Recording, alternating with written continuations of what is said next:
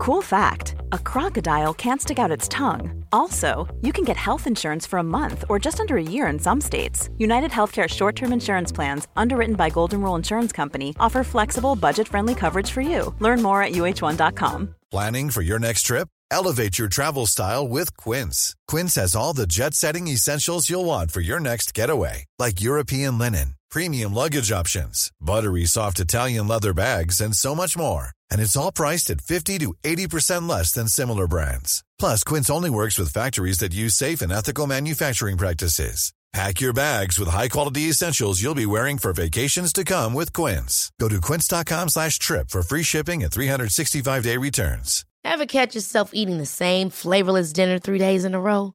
Dreaming of something better? Well, HelloFresh is your guilt-free dream come true, baby. It's me, Gigi Palmer.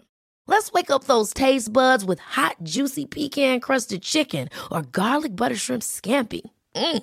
Hello Fresh. Stop dreaming of all the delicious possibilities and dig in at HelloFresh.com. Let's get this dinner party started.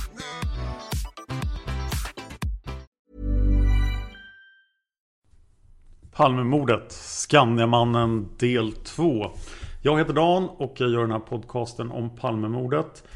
Det gör jag med hjälp av er som sponsrar mig på Patreon.com Palmemordet. Det går också bra att sponsra med Swish eller Paypal. Kontakta mig på Facebook.com Palmemordet om ni vill göra det. Eh, det har varit lite dålig tillväxt på Patreon på senaste tiden och jag behöver er hjälp om jag ska kunna komma upp till de stora spåren som kräver jättemycket research. När vi kommer till polisspåret och Sydafrika då hjälper det inte att läsa en bok och några förhör utan då måste jag ägna jättemycket tid åt research. Nu har jag också bestämt mig för att tacka er som har sponsrat mig. Så att det kommer en livesändning som kommer att skickas ut till alla er som är på Patreon eller som säger till om ni har sponsrat på Swish. Eh, den här livestreamen kommer hända i början av oktober och det här är sista avsnittet jag kommer nämna den i för nu kommer det två avsnitt med Gunnar Wall som redan är inspelade. Så blir ni sponsor nu så kommer ni alltså ha möjlighet att medverka i den här livesändningen där ni då sponsorer kommer att kunna ställa frågor till mig så kommer jag prata fritt om Palmemordet i tre timmar. Eh, det är en grej jag har kommit på för mina andra YouTube-kanaler där jag streamar rätt ofta.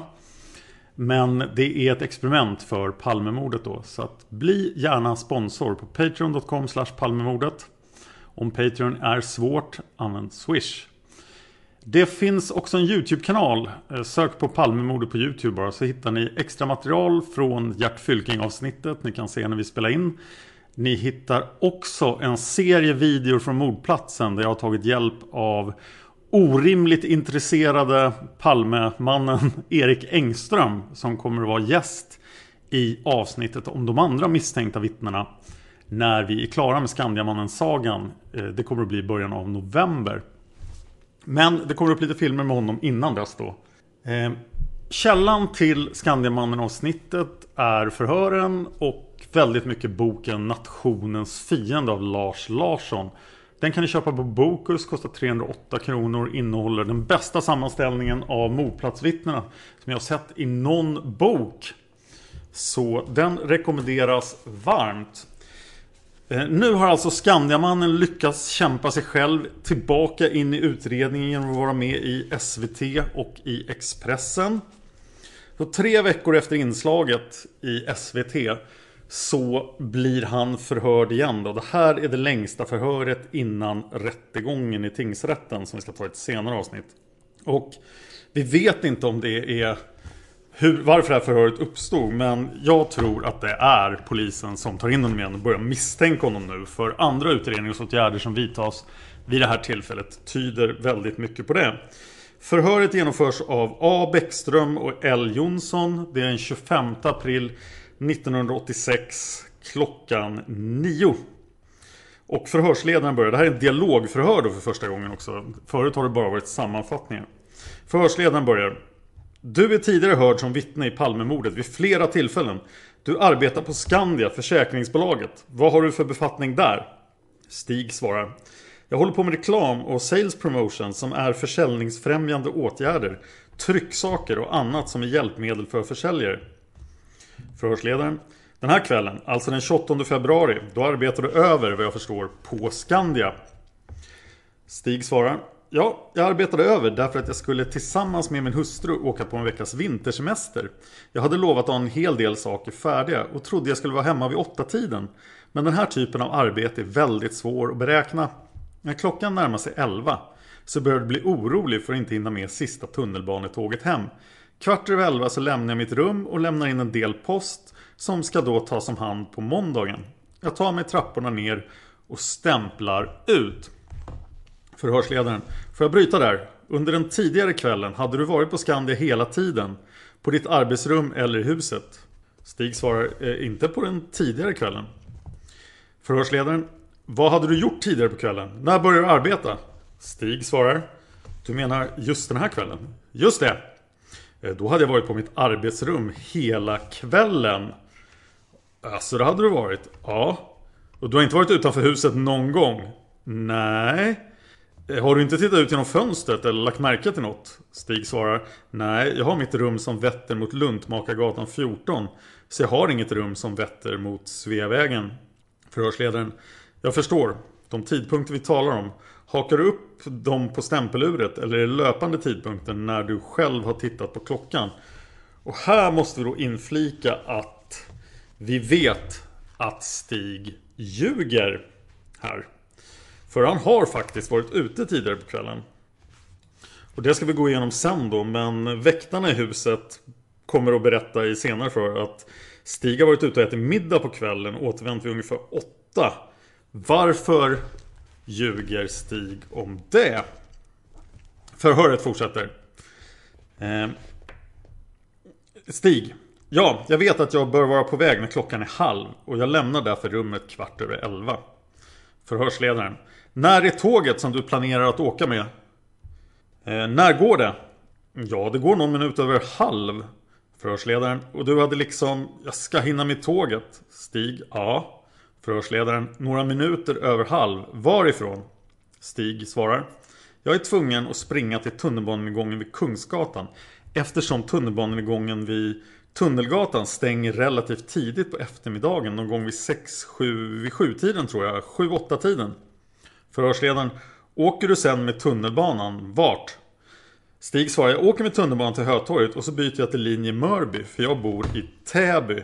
Och här är ju Stig helt ute och yrar. Och han måste mena att han åker med tunnelbanan till T-centralen. Eftersom han inte kan byta vid Hötorget. Utan det är Hötorget han kommer ner. Förhörsledaren. Tar du bussen i Täby då? Stig. Ja. Förhörsledaren. Du går ner och stämplar ut säger du. Och det här har du naturligtvis kontrollerat efter den här händelsen. Ja. Vad har du konstaterat? Stig svarar. Jo, att jag har stämplat ut 23.20 och det tar ungefär 20-30 sekunder för mig från stämpelklockan och fram till den platsen utanför Göta Bank där jag befann mig när jag hörde skottet. Jag säger skottet därför att jag har bara själv uppfattat ett skott. Och jag har i alla fall noterat mig till minnes. Som jag i alla fall har noterat mig till minnes. Förhörsledaren. Men du har kollat ditt stämpelkort. Och där står det 23.20. Och här kan man notera då att den här uppgiften om att eh, stämpelklockan går fel är helt borta. Eh, ja, det är riktigt, svarar Stig. Förhörsledaren. Sen kommer du ut på gatan. Har du gjort några som helst observationer eller noteringar av förhållandet innan skottet? Stig svarar. Ingenting som är direkt anmärkningsvärt. Dessutom så är jag koncentrerad väldigt mycket på att hinna med mitt sista tunnelbanetåg. Jag har hängt upp mig väldigt mycket just på den saken. Förhörsledaren. Har du någon minnesbild om något förhållande före skottet? Stig svarar. Ja, jag såg en och annan människa på trottoaren. Det brukar ju röra sig lite grann vid den här tidpunkten i Stockholm. Det var ingenting som jag lade märke till i detalj. Förhörsledaren. Men det är ingen som drar en minnesbild av typ det stod en blå bil, ja någonting som drar en minnesbild av före skottet. Stig svarar nej. Jag lade märke till att det stod en hel del bilar ut med kanten där. Exakt var de var placerade, det vet jag inte. Jag har en mörk urtavla på min klocka. Så att jag hade lite svårigheter att se hur mycket klockan hade hunnit bli. Jag gjorde en sista koll för att se om jag skulle hinna med mitt tunnelbanetåg. Förhörsledaren. Vad jag förstår, så när du kommer ut, den bild du har utav gatulivet, det är normalbilden. Ja, det är normalbilden. Det finns bilar, det finns människor, men du kan inte peka ut att det fanns exempelvis någon viss person eller ett visst förhållande. Det var gatubilden som sådan. Stig svarar Ja, det är riktigt. Förhörsledaren Du hade bråttom till tåget och tittar man på skissen här så nummer 44 ligger som du sa hur många meter ungefär från korsningen? Stig svarar Ja, den bör ju ligga 40 meter ungefär. Förhörsledaren 40 meter. Och du har lite bråttom säger du, för då skulle du med tunnelbanan. Du beskriver din färd trottoaren fram som att du går, springer i din värld liksom. Stig svarar Ja, det är riktigt. Förhörsledaren Det var tunnelbanan som hägrade. Ja. Under den vägen så tittar du på ditt armbandsur. Ja. Och där vad jag förstått så fick du liksom titta lite ordentligt. Därför att du såg dåligt med hänsyn till att det är en svart urtavla. Är det riktigt? Stig svarar Ja, det är riktigt. Förhörsledaren Du var liksom inte observerad för omgivningen. Stig Inte speciellt. Förhörsledaren Fanns det någonting som du observerade framöver? Stig Ingenting som jag har noterat speciellt. Förhörsledaren Observerade du den här Palme eller det här sällskapet? Stig Nej, de befann sig strax före. Förhörsledaren Men det är ingenting som du har minnesbild av att du såg. Stig Nej. Förhörsledaren Vad hände sen? Berätta med dina egna ord. Stig börjar berätta. Jo, när jag kommer i höjd med lilla filialkontoret Götabanken som ligger i Skandiahuset i höjd med en hög trekantig reklampelare så hör jag ett ljud som jag uppfattar som en smällare. Ganska typisk smällare. Väldigt vanligt mitt i centrala Stockholm är att man hör avgassmällar från bilar och sånt. Lite oljud är man ju van vid i centrala Stockholm. Därför så brydde jag mig inte om ljudet särskilt mycket i all den stund. Jag var också väldigt koncentrerad på min klocka. Det lät inte som ljudet från ett avgasrör. Men det lät väldigt mycket likt ljud från en smällare. En lite snärtig historia. Ljudet kan jag, kommer jag väldigt ihåg väl. För det var ljud ungefär som påminner om en smällare. Förhörsledaren. Vad hände sen? Stig. Ja, jag fortsätter och lite gåspringer framåt. Och då ser jag en person som ligger på rygg. Med fötterna åt det hållet varifrån jag kommer. Min första tanke är att det är någon ur det så kallade A-laget som har lagt sig i horisontalläge. Jag är alltså egentligen beredd att springa förbi med förhoppning att någon annan kan hjälpa till. Förhörsledaren Men du har inte satt ihop smällaren med Palme som ligger där? Stig Nej, det tog nog några sekunder. I och med att jag ser att det inte är frågan om någon ur A-laget utan det är frågan om någonting betydligt allvarligare eftersom det har börjat rinna blod på trottoaren. Ansiktet var ganska blodigt. Så det var min nästa tanke att någon eller ett par knarkligor höll på att göra upp och mer eller mindre försökte utrota varandra. Det trodde jag därför ja, att det såg så väldigt blodigt ut. Förhörsledaren frågar Vad var det för människor runt omkring?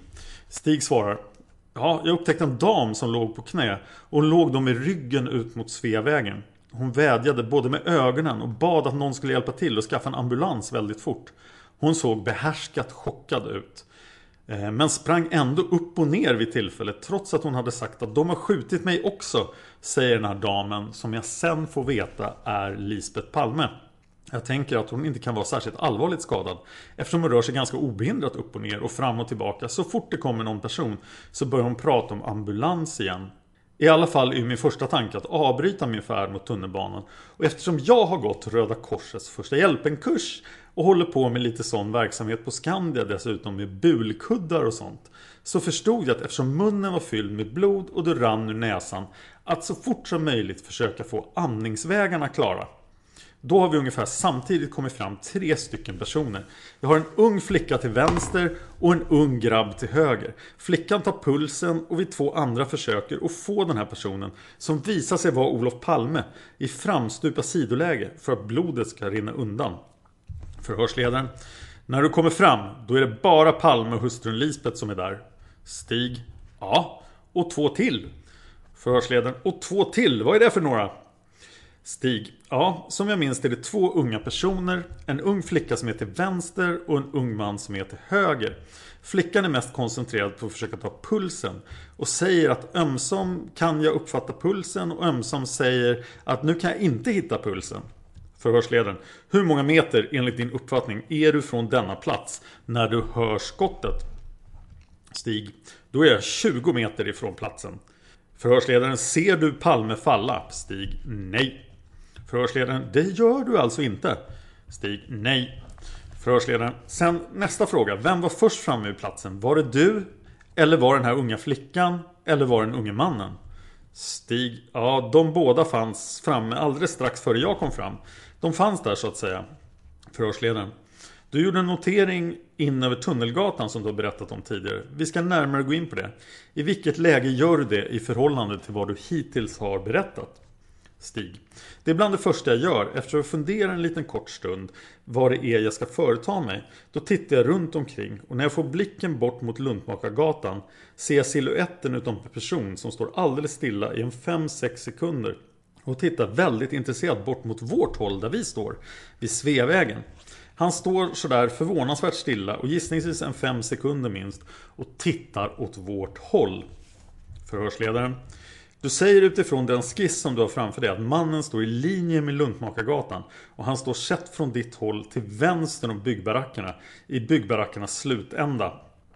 Stig svarar. Ja, det är riktigt. Förhörsledaren.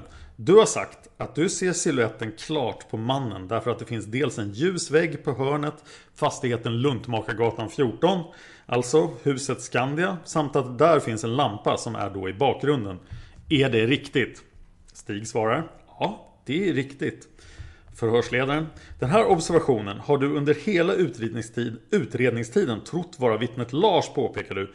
Men du har sedermera haft samtal på en man med Skandia som har någon kontakt med vittnet Lars och du har fått klart för dig att det här kan inte vara vittnet Lars. Stig svarar Nej, det är inte riktigt rätt. Enligt honom så skulle vittnet Lars ha varit till vänster om baracken. Men jag har talat med en tidningsreporter som är helt övertygad om att förhållandet är omvänt. Vittnet Lars är till höger och mördaren har sprungit till vänster. Därför vet jag inte då vittnet Lars eventuellt eller om det eventuellt är mördaren jag har sett. Och här avbryter vi för en kommentar då från Lars Larsson. Han säger då Stig har alltså sett en person till vänster om byggbaracken vid en plats där Lars J i förhör uppger att mördaren sprang med full fart mot trapporna och definitivt inte stod still. Kan det trots allt vara Lars som Stig ser? Nej. Lars var aldrig på den platsen vid den tidpunkten. Han gömde sig för mördaren först bakom byggbarackerna och sen gick han fram till trapporna. När mördaren kikade ner från trappkrönet gömde sig Lars J bakom en container som stod till höger på gatan. Trots detta vet vi att det var Lars som Stig såg. Han pekar nämligen ut Lars i en fotokonfrontation som den man han såg till vänster om barackerna. Det här är väldigt svårt att förstå. Skandiamannen har bevisligen sett Lars men han har sett honom på en plats där han inte var. Stig står alltså på mordplatsen och tvekar vad han ska göra. Tidpunkten är bara 5-6 sekunder efter att mördaren, klädd i exakt likadana kläder, på exakt samma plats som Stig, har stått och tvekat. Inge M som sitter i sin senast gula Opel på andra sidan gatan och betraktar mordet och mördaren under en längre tid rapporterar inte två personer som står där nästan omedelbart efter mordet.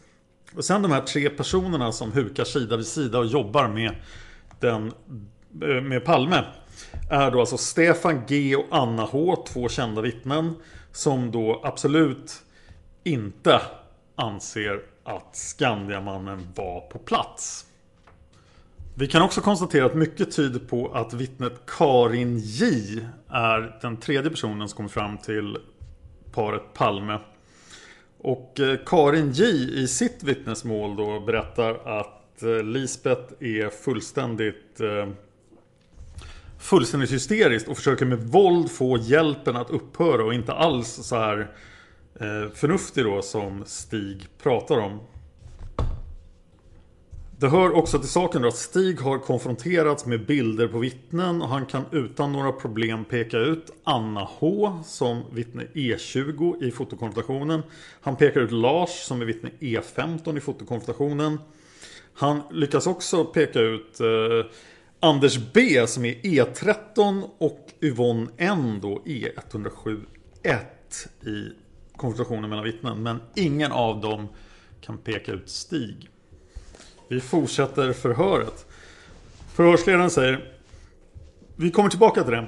Om jag förstår dig rätt, om vi ska försöka få lite klarare. Du springer gatan eller trottoaren fram, halvspringer. Du tittar på klockan, du hör en knall men blir väl lite desorienterad av den. Gör inga noteringar om det. Sen så kommer du fram till korsningen Tunnelgatan Sveavägen. Och då ligger en man och bredvid står en kvinna. Och de här två unga personerna har kommit fram ungefär kort före dig. Är det rätt? Stig, ja. Det är riktigt. Förhörsledaren, vad börjar du att ägna dig åt när du kommer fram? Försök att ta det i någon ordning. Stig svarar. Jag försöker först att bestämma om jag ska fortsätta mot tunnelbanan, hur allvarligt det ser ut. Jag tittar mig lite grann runt omkring medan jag håller på att försöka bestämma mig. Det är vid det här tillfället som jag kastar min blick bort mot Luntmakargatan. Och då ser du den här mannen. Stig fortsätter. Ja, därefter så frågar jag den här damen som ligger på knä, Lisbeth. Men som jag då inte kände igen. Då säger jag åt vilket håll? Hon pekar då åt vilket håll sprang han. För jag förstod då utav blodet att det hade varit ett skott. Hon pekar bort mot tunneln på Tunnelgatan och så frågar jag henne Hur var han klädd? Jag tänkte det kunde vara bra att veta eftersom hon verkar lite grann virrig att någon mer visste om de här sakerna. Efter en liten kort tvekan så säger hon till mig Mörkblå täckjacka. Därefter så börjar vi att fundera på lite grann vad vi ska göra. Och med tanke på att blodflödet var så pass kraftigt så var det nära till hands att tänka på andningsvägarna. Att göra så mycket mera hade jag inte kunskaper till. Det här var vad jag hjälpte till med just i det här läget. Framstupa sidoläge. Förhörsledaren. Har det kommit mer folk till platsen nu? Stig svarar. Ja, några stycken. Inte sådär väldigt många. Men det står väl kanske fem, sex stycken personer någonting omkring. Sen, det jag lägger märke till också är en vit taxibil. Och det är klart, det är ju lätt att se. Dels för att den var ljus och dels för att, den är så pass, att det är så pass ovanligt med vita taxibilar. Jag ser en person som står precis i anslutning till dörren och håller någonting i handen som ser ut som en mikrofon. Jag förstår att det är någon som, en taxibil som hjälper till att tillkalla hjälp. Ambulans och så vidare. Förhörsledaren. Vad säger Lisbeth Palme? Hon har talat om vägen, hon har talat om jackan. Vad säger hon mer? Stig. Ja, hon, det enda jag överhuvudtaget hört henne mera säga eh, eh, det är så fort det kommer någon mer till platsen så vädjar hon hela tiden efter att någon ska hjälpa till med ambulans. Jag får också den känslan att hon är mest intresserad av att någonting händer. Inte sådär särskilt mycket vad det är som händer. Det här med framstupa sidoläge fick jag uppfattningen att hon uppfattade väldigt positivt. Att saker överhuvudtaget hände. Det var det som var nästan viktigast för Lisbeth. Förhörsledaren. Hon säger att hon själv har blivit skjuten. Beskriver hon det på något vis? Stig svarar. Ja, hon säger jag har blivit skjuten i ryggen, säger hon. Men jag kunde inte se någonting på henne som tydde på att hon hade blivit skjuten. Hon var dessutom väldigt rörlig och hoppade upp och ner. Jag tog det som ren inbildning från hennes sida. Hon rörde sig väldigt lätt och fint. Vad hände sen? Stig fortsätter. Jo, det uppstod en stunds väntan och gissningsvis efter en, jag försökt med hjälp av klockan att ungefär uppskatta tiden till ungefär tre och en halv minut någonting. Så kommer en vit polisbil med den här moderna, nya designen. Den parkerar ungefär uppe vid, det finns en salladsbar som heter M&M ungefär 20 meter bort mot Kungsgatan. Den stannar till, om jag minns rätt, på trottoaren. Trottoaren är väldigt bred. Två stycken polismän går ut och de ställer sig framför sin polisbil. När Lisbeth upptäcker att de inte kommer bort till platsen som hon antagligen hade hoppats på så springer hon bort till polisbilen och polismännen som står en meter framför sin bil upprepar sin vädjan om ambulans. Jag hör inte exakt vad polismännen säger. Men de säger ungefär att lugn, lugn någonting, det är redan ordnat. Lisbeth kommer tillbaka. Sen så går det väl, ja då har det gått ytterligare en halv minut och så kommer en piketbil med ett antal konstaplar. Det är då Södermalmspiketen.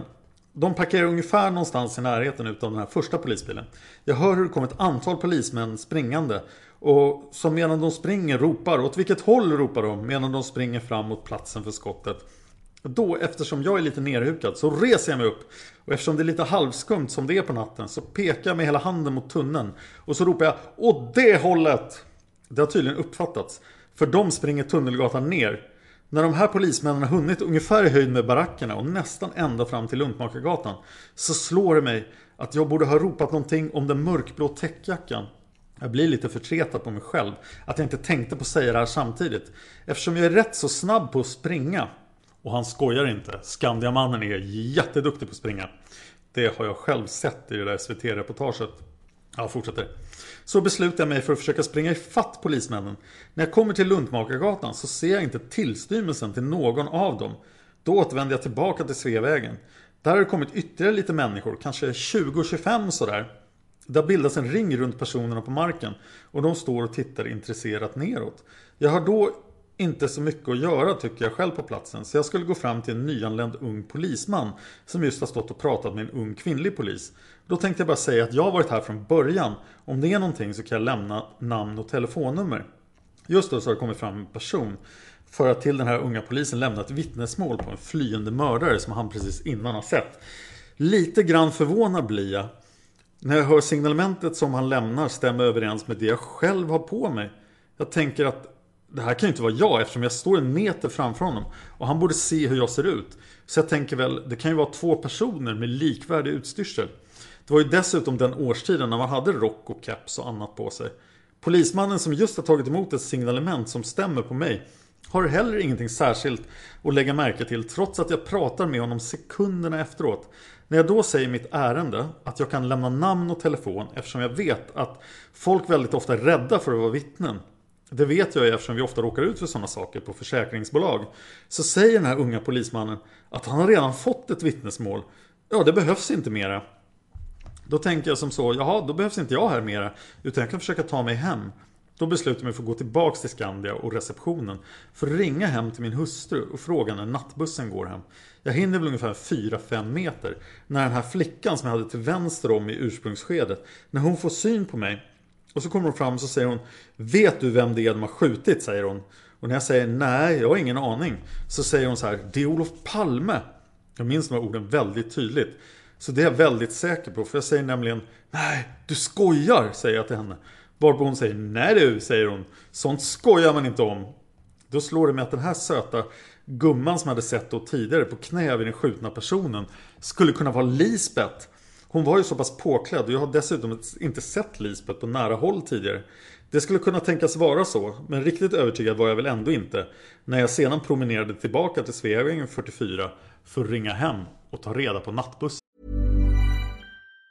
If you thought the only way to get a more defined jawline with natural looking results was through surgery, think again. Juvederm Volux XC is a non surgical injectable gel filler that improves moderate to severe loss of jawline definition and can help you achieve natural looking results with little downtime. Even better, this improved definition lasts up to one year with optimal treatment. No maintenance required. Improve jawline definition for a smooth, sculpted look with Juvederm Volux XC. For important safety information and to find a licensed specialist, visit juvederm.com. That's J U V E D E R M.com. Not for people with severe allergic reactions, allergies to lidocaine, or the proteins used in Juvederm. Common side effects include injection site redness, swelling, pain, tenderness, firmness, lumps, bumps, bruising, discoloration, or itching. There's a risk of unintentional injection into a blood vessel, which can cause vision abnormalities, blindness, stroke, temporary scabs, or scarring. Talk to a licensed specialist to find out if it's right for you. Quality sleep is essential. That's why the Sleep Number Smart Bed is designed for your ever evolving sleep needs. Need a bed that's firmer or softer on either side? Helps you sleep at a comfortable temperature? Sleep Number Smart Beds let you individualize your comfort so you sleep better together. JD Power ranks Sleep Number number 1 in customer satisfaction with mattresses purchased in-store. And now, save 50% on the Sleep Number limited edition Smart Bed for a limited time. For JD Power 2023 award information, visit jdpower.com/awards. Only at a Sleep Number store or sleepnumber.com. Ever catch yourself eating the same flavorless dinner three days in a row? Dreaming of something better? Well, HelloFresh is your guilt-free dream come true, baby. It's me, Kiki Palmer. Let's wake up those taste buds with hot, juicy pecan-crusted chicken or garlic butter shrimp scampi. Mm. Hello Fresh. Stop dreaming of all the delicious possibilities and dig in at HelloFresh.com. Let's get this dinner party started.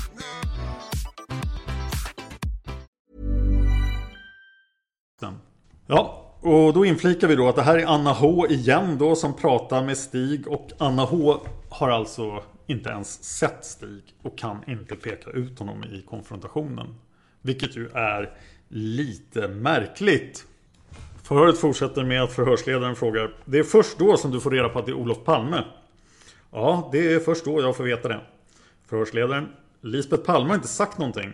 Stig Inte vid ett enda tillfälle som jag har hört. Förhörsledaren jag vill återvända till lite tider här. Har jag fattat det rätt att tiden som du har beräknat från det att du kommer ut i nummer 44 fram till dess den liggande Palme så har det gått cirka 20 sekunder? Stig. Ja, om du räknar ända borta från Sveavägen 44 så bör det stämma. Förhörsledaren.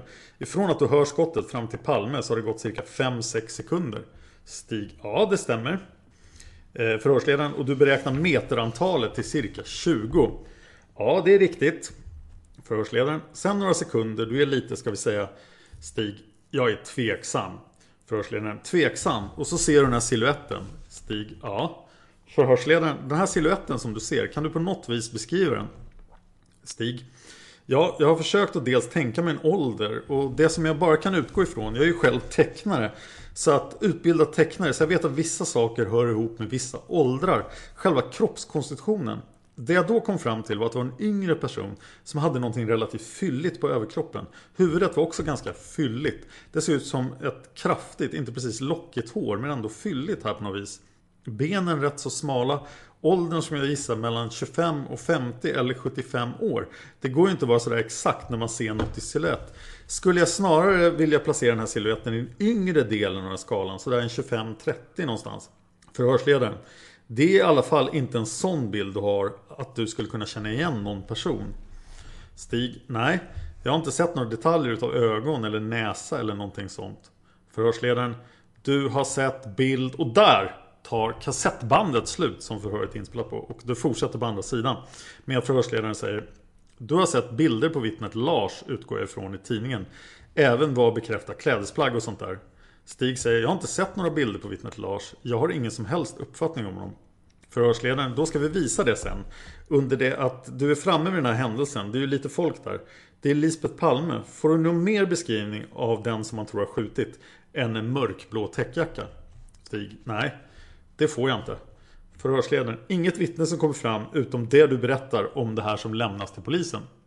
Och då inflikar vi också en kommentar från Lars Larsson då. Alltså vem är den här mannen som lämnar signalementet som stämmer in på Stig till polismannen? Och vem är polismannen?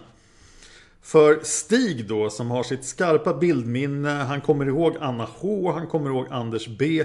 Han kan till och med peka ut Lars J i en mörk gränd på 50 meters avstånd. Han minns ingenting om den här mannen eller om polismannen. Och det finns inget vittne som passar in på det här. Och det finns ingen polisman som passar in på det här heller. Förhöret fortsätter. Efter att du hör skottet så har du cirka 20 meter fram till Palme. Du kan inte komma på någon annan person eller något förhållande som du lagt märke till, exempelvis vid Dekorima. Stig svarar, nej, jag halvspringer den här sträckan och är förhållandevis koncentrerad på klockan. Förhörsledaren, när du ser den liggande mannen första gången, var befinner du då i förhållande till honom? Stig, ungefär där alldeles vid fötterna på personen. Förhörsledaren, det är först då som du noterar Stig, ja, någon meter innan. Jag var alltså inte beredd på att överhuvudtaget hitta någon liggande person. Jag hade en väldigt klar uppfattning om att jag tyckte att smällen lät väldigt mycket som en påsksmäll eller någonting. Förhörsledaren. Jag vill gå tillbaka till den här siluetten. Din beskrivning av siluetten är det. Du sa någonting kraftigt på överkroppen. Vad jag förstår av beskrivningen så borde det rimligtvis vara en jacka på överkroppen. Jacka typ midje, kanske en bit längre än att det är en rock. Stig, ja. Jag får mera intryck av att det är en jacka än en rock. Förhörsledaren, har du något intryck av färg? Stig, nej det är bara svart som siluett och bakgrunden som är då lite aprikosrosa. Det är alltså färgen på huset på Luntmakargatan 14. Förhörsledaren, har du något intryck av huvudbonad? Stig, det är väldigt svårt att säga om det är huvudbonad eller en kraftig frisyr. Men jag vet att lite grann på grund av att jag uppfattar det mer som en frisyr så uppfattar jag det som en yngre person. Förhörsledaren, du la inte märke till om han bar på någonting. Stig, jag kunde inte se om han höll i någonting.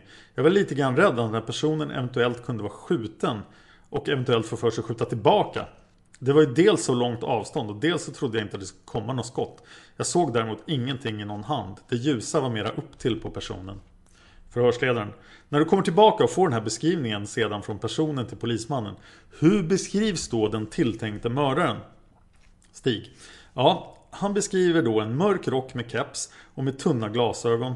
Jag tror inte att min handlovsväska var med vid det här tillfället, inte vad jag kan komma ihåg. Förhörsledaren. Själv om jag förstått det hela rätt så hade du keps utan knäpp och öronlappar. Ja, det är riktigt. Hade du en rutig keps? Ja, en mörk grå svart spräcklig keps. Förhörsledaren. Du hade vidare en mörk rock med eller utan bälte. Stig utan. Förhörsledaren, hade du någon halsduk? Stig, ja. Förhörsledaren, är det den halsduk du har med idag? Stig, ja det är den jag har med idag. Den är i två blå nyanser och en kanelfärgad mellanbit.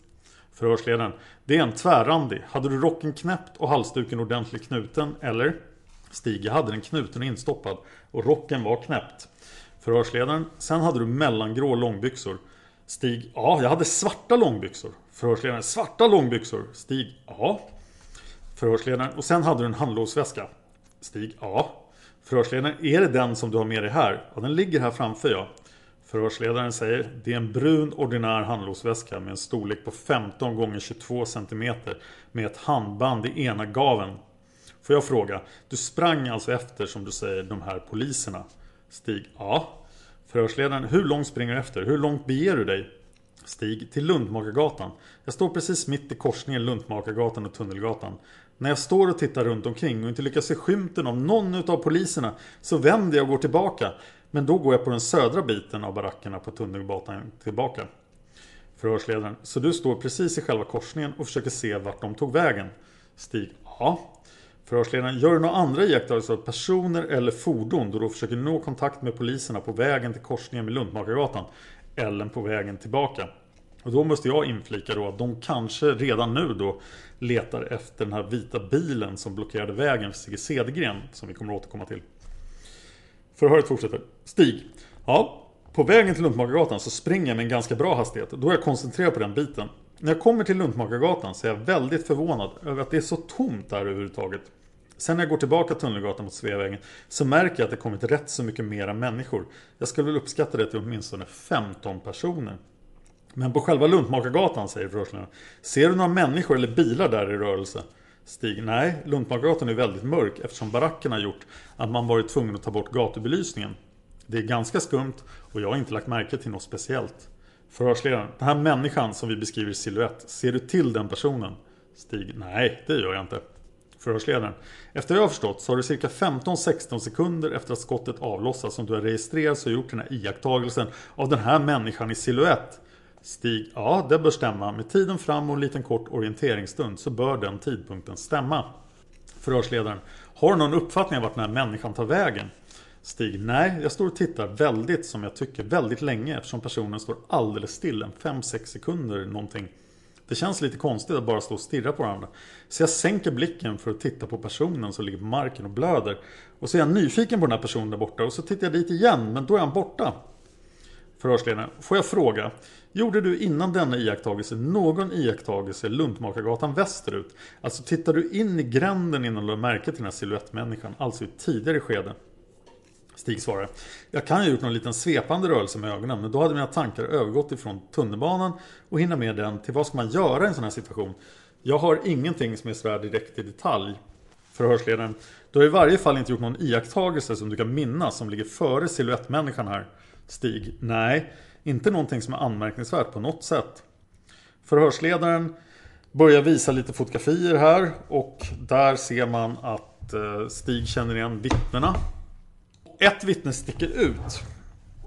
För förhörsledaren säger ett litet tag senare. Du säger också beträffande E13 att när du kommer tillbaka till folksamling efter din språngmarsch efter poliserna så alltså, finns det en man som kan vara E13 som har kommit till platsen. Och du benämner honom som att han var lite högljudd. Han har också skägg, men du har minnesbild av att skägget skulle vara lite rödare. På vad sätt var han högljudd? Stig svarar, jag tyckte inte han verkade riktigt nykter egentligen. Eh, förhörsledaren, vad sa han? Eh, Stig, han upprepar samma sak hela tiden. Han sa Är det Palme? Är det Palme? Är det Palme? Upprepar han gång på gång. Förhörsledaren, gjorde du ingen notering då om det här med Palme? Jag tänker på den uppgiften som du sen fick av flickan. Eh, Stig, nej jag tyckte han var märkbart berusad så jag trodde det var mer ett samband med det. Förhörsledaren, finns det någon ytterligare person i fotosamlingen som du kommer ihåg? Eh, Stig fortsätter då att identifiera Anna Hage. Vi hoppar lite. Förhörsledaren säger Har du någonting ytterligare som du tycker skulle vara intressant för vår del och få kännedom om som vi inte har tänkt på att fråga dig? Stig svarar Ja, det jag har tänkt på är det här med ett skott framifrån eller bakifrån så ligger Olof Palme på rygg med huvudet i riktning mot Kungsgatan beroende på vilket håll han varit vänd när han blivit skjuten. Och om han har fallit rakt utan att vända som i fallet så bör han ju stått vänd i så fall med ryggen upp mot Kungsgatan till Dessutom så vet jag ett skott där det går in ger ifrån sig ett förhållandevis litet hål medan där skottet går ut så blir det en ganska påfallande stor öppning. Jag observerade inte massa blod i bröstet som det rätteligen skulle ha varit i så fall. Jag uppfattade det som att den här personen hade blivit skjuten i munnen. Det var hemskt mycket blod i mun och näsa. Munnen var öppen, ögonen var slutna, ansiktet var översköljt av blod. I övrigt såg jag inte mycket blod annat än det som rann på trottoaren. Därefter var jag särskilt, inte särskilt observant på den saken när vi flyttade över Palme i sidoläge. Att det så skulle vara blod på ryggen var ju ganska naturligt eftersom det rann blod på trottoaren. Förhörsledaren. Du såg inga skador på ryggen när ni vände honom? Stig svarar, det var, han vände ju ryggen då. Vi vände honom mot vänster så han kommer ligga med ryggen ut mot Sveavägen och Dekorima som är affären i hörnet är ganska hyggligt upplyst. Däremot ser det väldigt skuggigt ut mot Sveavägen. Därför är det väldigt svårt att lägga märke till någonting på ryggen när han ligger vänd på det sättet. Förhörsledaren. Utifrån att du bara hört en som du säger smällare, kan du ge mig någon rimlig förklaring till varför du inte hört skott nummer ett eller två? Stig. Nej. Jag kan inte göra det annat än jag vet jag har en granne som jagar. Och han säger så här. En som är ute och tjuvskjuter ska noga akta sig för att skjuta två skott. Ifall han råkar, komma undan, råkar bomma det första. Folk är inte så observanta på det första skottet. Men man blir väldigt observant på skott nummer två. Om det är så i mitt fall, eller om det är så att skotten har kommit med förhållandevis tät följd och det är så att jag kan uppfatta det som ett skott med ekoeffekt. Jag har i alla fall min minnesbild bara klart för mig att jag har hört, som jag tydligt kan urskilja, ett skott. Eller en smällare som jag uppfattar det som. Förhörsledaren, annan fråga. Du hade de här stålbågade glasögon på dig den här dagen när du kom. När du kom. Stig, ja. Förhörsledaren, brukar du använda glasögon normalt? Stig, inte på nära avstånd, men när jag arbetar eller läser och när jag kör bil eller om jag ska känna igen folk på trottoaren på lite längre avstånd, då har jag glasögonen på mig. Förhörsledaren, ytterligare en fråga, det är mer för att tillfredsställa för och pröva dig själv. Du har ju figurerat i tidningar och i TV. Stig, ja. Förhörsledaren, det nämns att det är du som har sagt det eller inte vet jag, men det nämns att du inte är hörd av polisen. Stig, ja egentligen började hela på det sättet att någon hade hört en lördag att det pågick någon typ av rekonstruktionsarbete i det här aktuella hörnet. För mig var det egentligen inte så konstigt eftersom jag tog för givet att det var på det sättet och det var så pass många poliser inkopplade att man behövde orientera sig hur det såg ut i det området. Jag var ju borta en vecka på skidsemester och när jag kom tillbaka blev jag uppringd 5-6 gånger från kriminalen.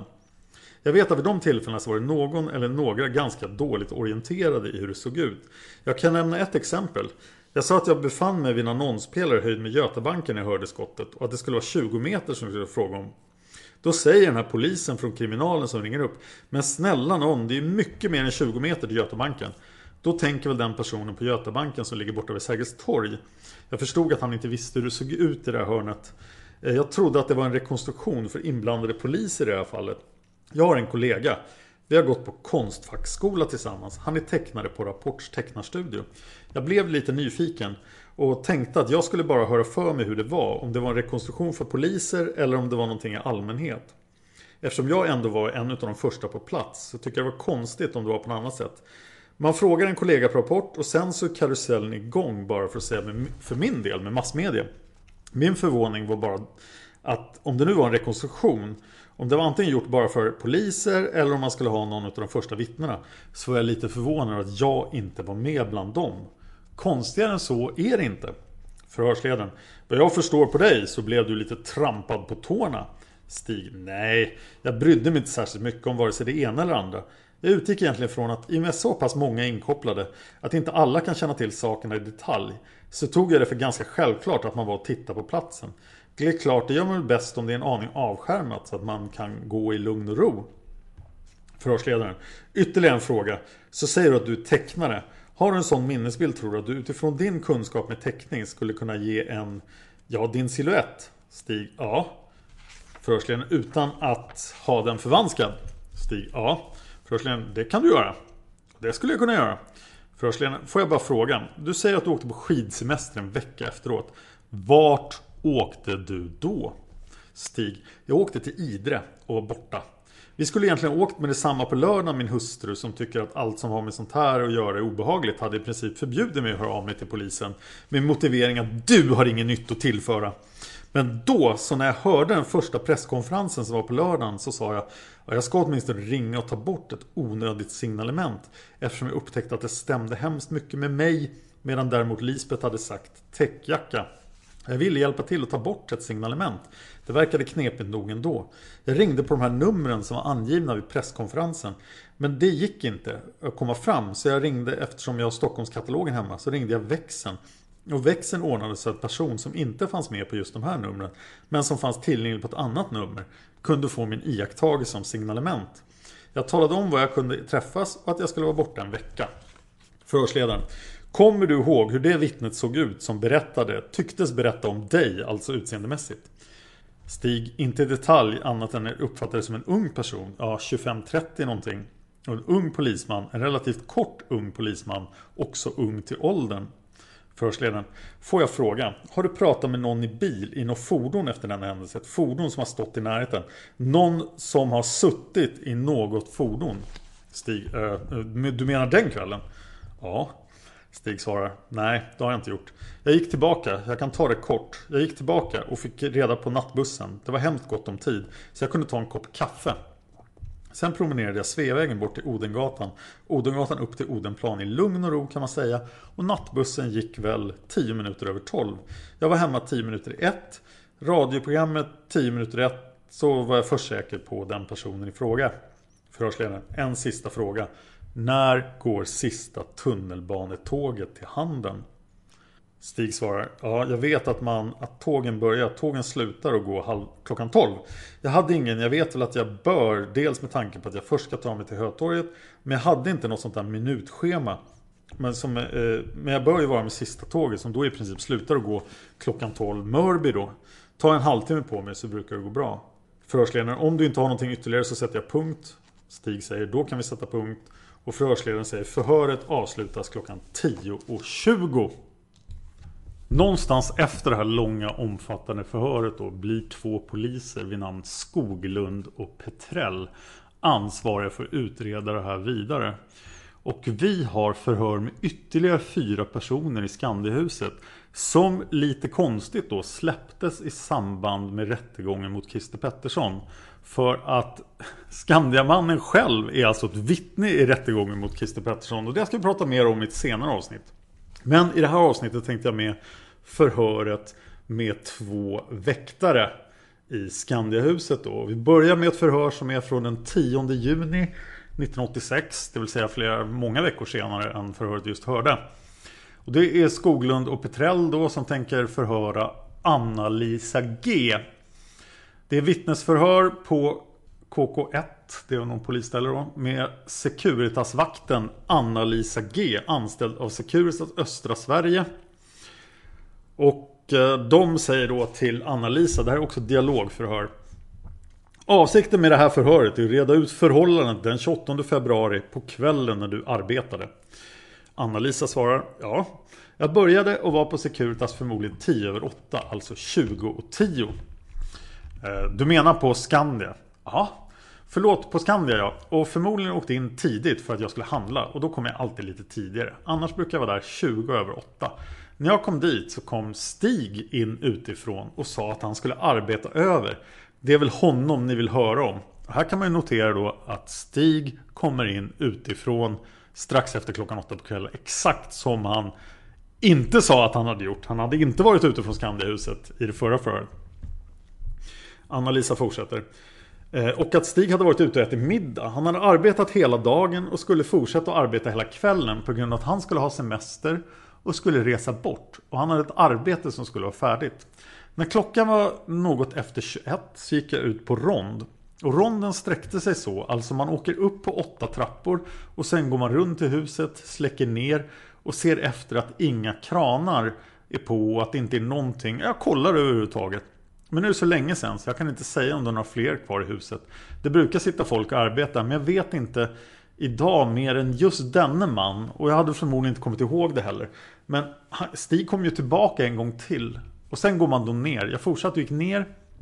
Och när jag kom till en trappa så går jag förbi så jag ser ner i receptionen. Och då såg jag att Henry hade kommit och Annette var fortfarande kvar.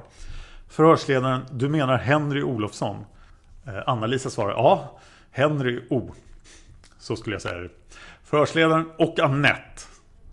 Anna-Lisa, ja, då var de i receptionen och sen fortsatte jag för jag vinkade väl bara och sa hej eller någonting. Och sen fortsatte jag för jag hade rätt mycket kvar ännu och då kunde klockan kanske varit kvart, tio, elva någonting sånt. Det kan jag inte säga. Eh, förhörsledaren säger, du säger Annette, är det? Och Anna-Lisa svarar, ja det är Annette K, ja. Förhörsledaren, la du märke till någonting när du gick den här ronden? Anna-Lisa, nej inte något speciellt som jag kommer ihåg. Det kan mycket väl ha varit någonting men du vet att jag Förhörsledaren, såg du Stig E någonting? Anna-Lisa, nej. Se det kan jag tala om att jag inte gjorde för han sitter på en trappa och jag går förbi hans rum och där går vi aldrig in av den anledningen att han har ett eget lås på sin dörr som inte vår nyckel. Den ingår inte i låssystemet om jag säger så. Och hans dörr är som regel låst så vi bryr oss aldrig om. För jag upptäckte det där en gång när jag skulle gå in och släcka.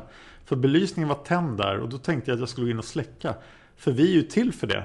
Men då kom jag inte in med min nyckel. Och då bryr man sig inte om det. Förhörsledaren. Är det något konstigt med det? Är det bara han som har nyckeln till sin dörr? Anna-Lisa. Hör du, där, han har varit rätt mycket. Och sen hade vi en... Så det där, det finns ett par rum. Men jag vet inte varför han har ett eget lås på sin dörr. Men det har han. Om inte det är ändrat, för jag har inte prövat. Förhörsledaren. Ser man in i Stigs rum? Anna-Lisa. Nej, nej, nej. Förhörsledaren. Hur kunde du se att belysningen var tänd? Anna-Lisa. Jo, du vet, det ser man under dörren va? När man släcker så ser man att det lyser där. Och nu går jag in. Förhörsledaren. Den här aktuella kvällen då du gick förbi. Anna-Lisa. Ja, hörru du, så släckte jag inte korridorbelysningen bara för att jag visste att han satt där. För då släcker man vid hela hans rum också. Och då gör man inte det när han säger till. Förhörsledaren, hörde du att Stig var på rummet? Anna-Lisa, nej, nej, nej, nej. Förhörsledaren, hur visste du att han var där då? Anna-Lisa, jo men han har ju sagt att han var där. Jag vet inte att han var det kan, där, det kan jag inte påstå. Men han har sagt det. Och då tar jag för givet att han var där. Förhörsledaren, du såg när Stig kom?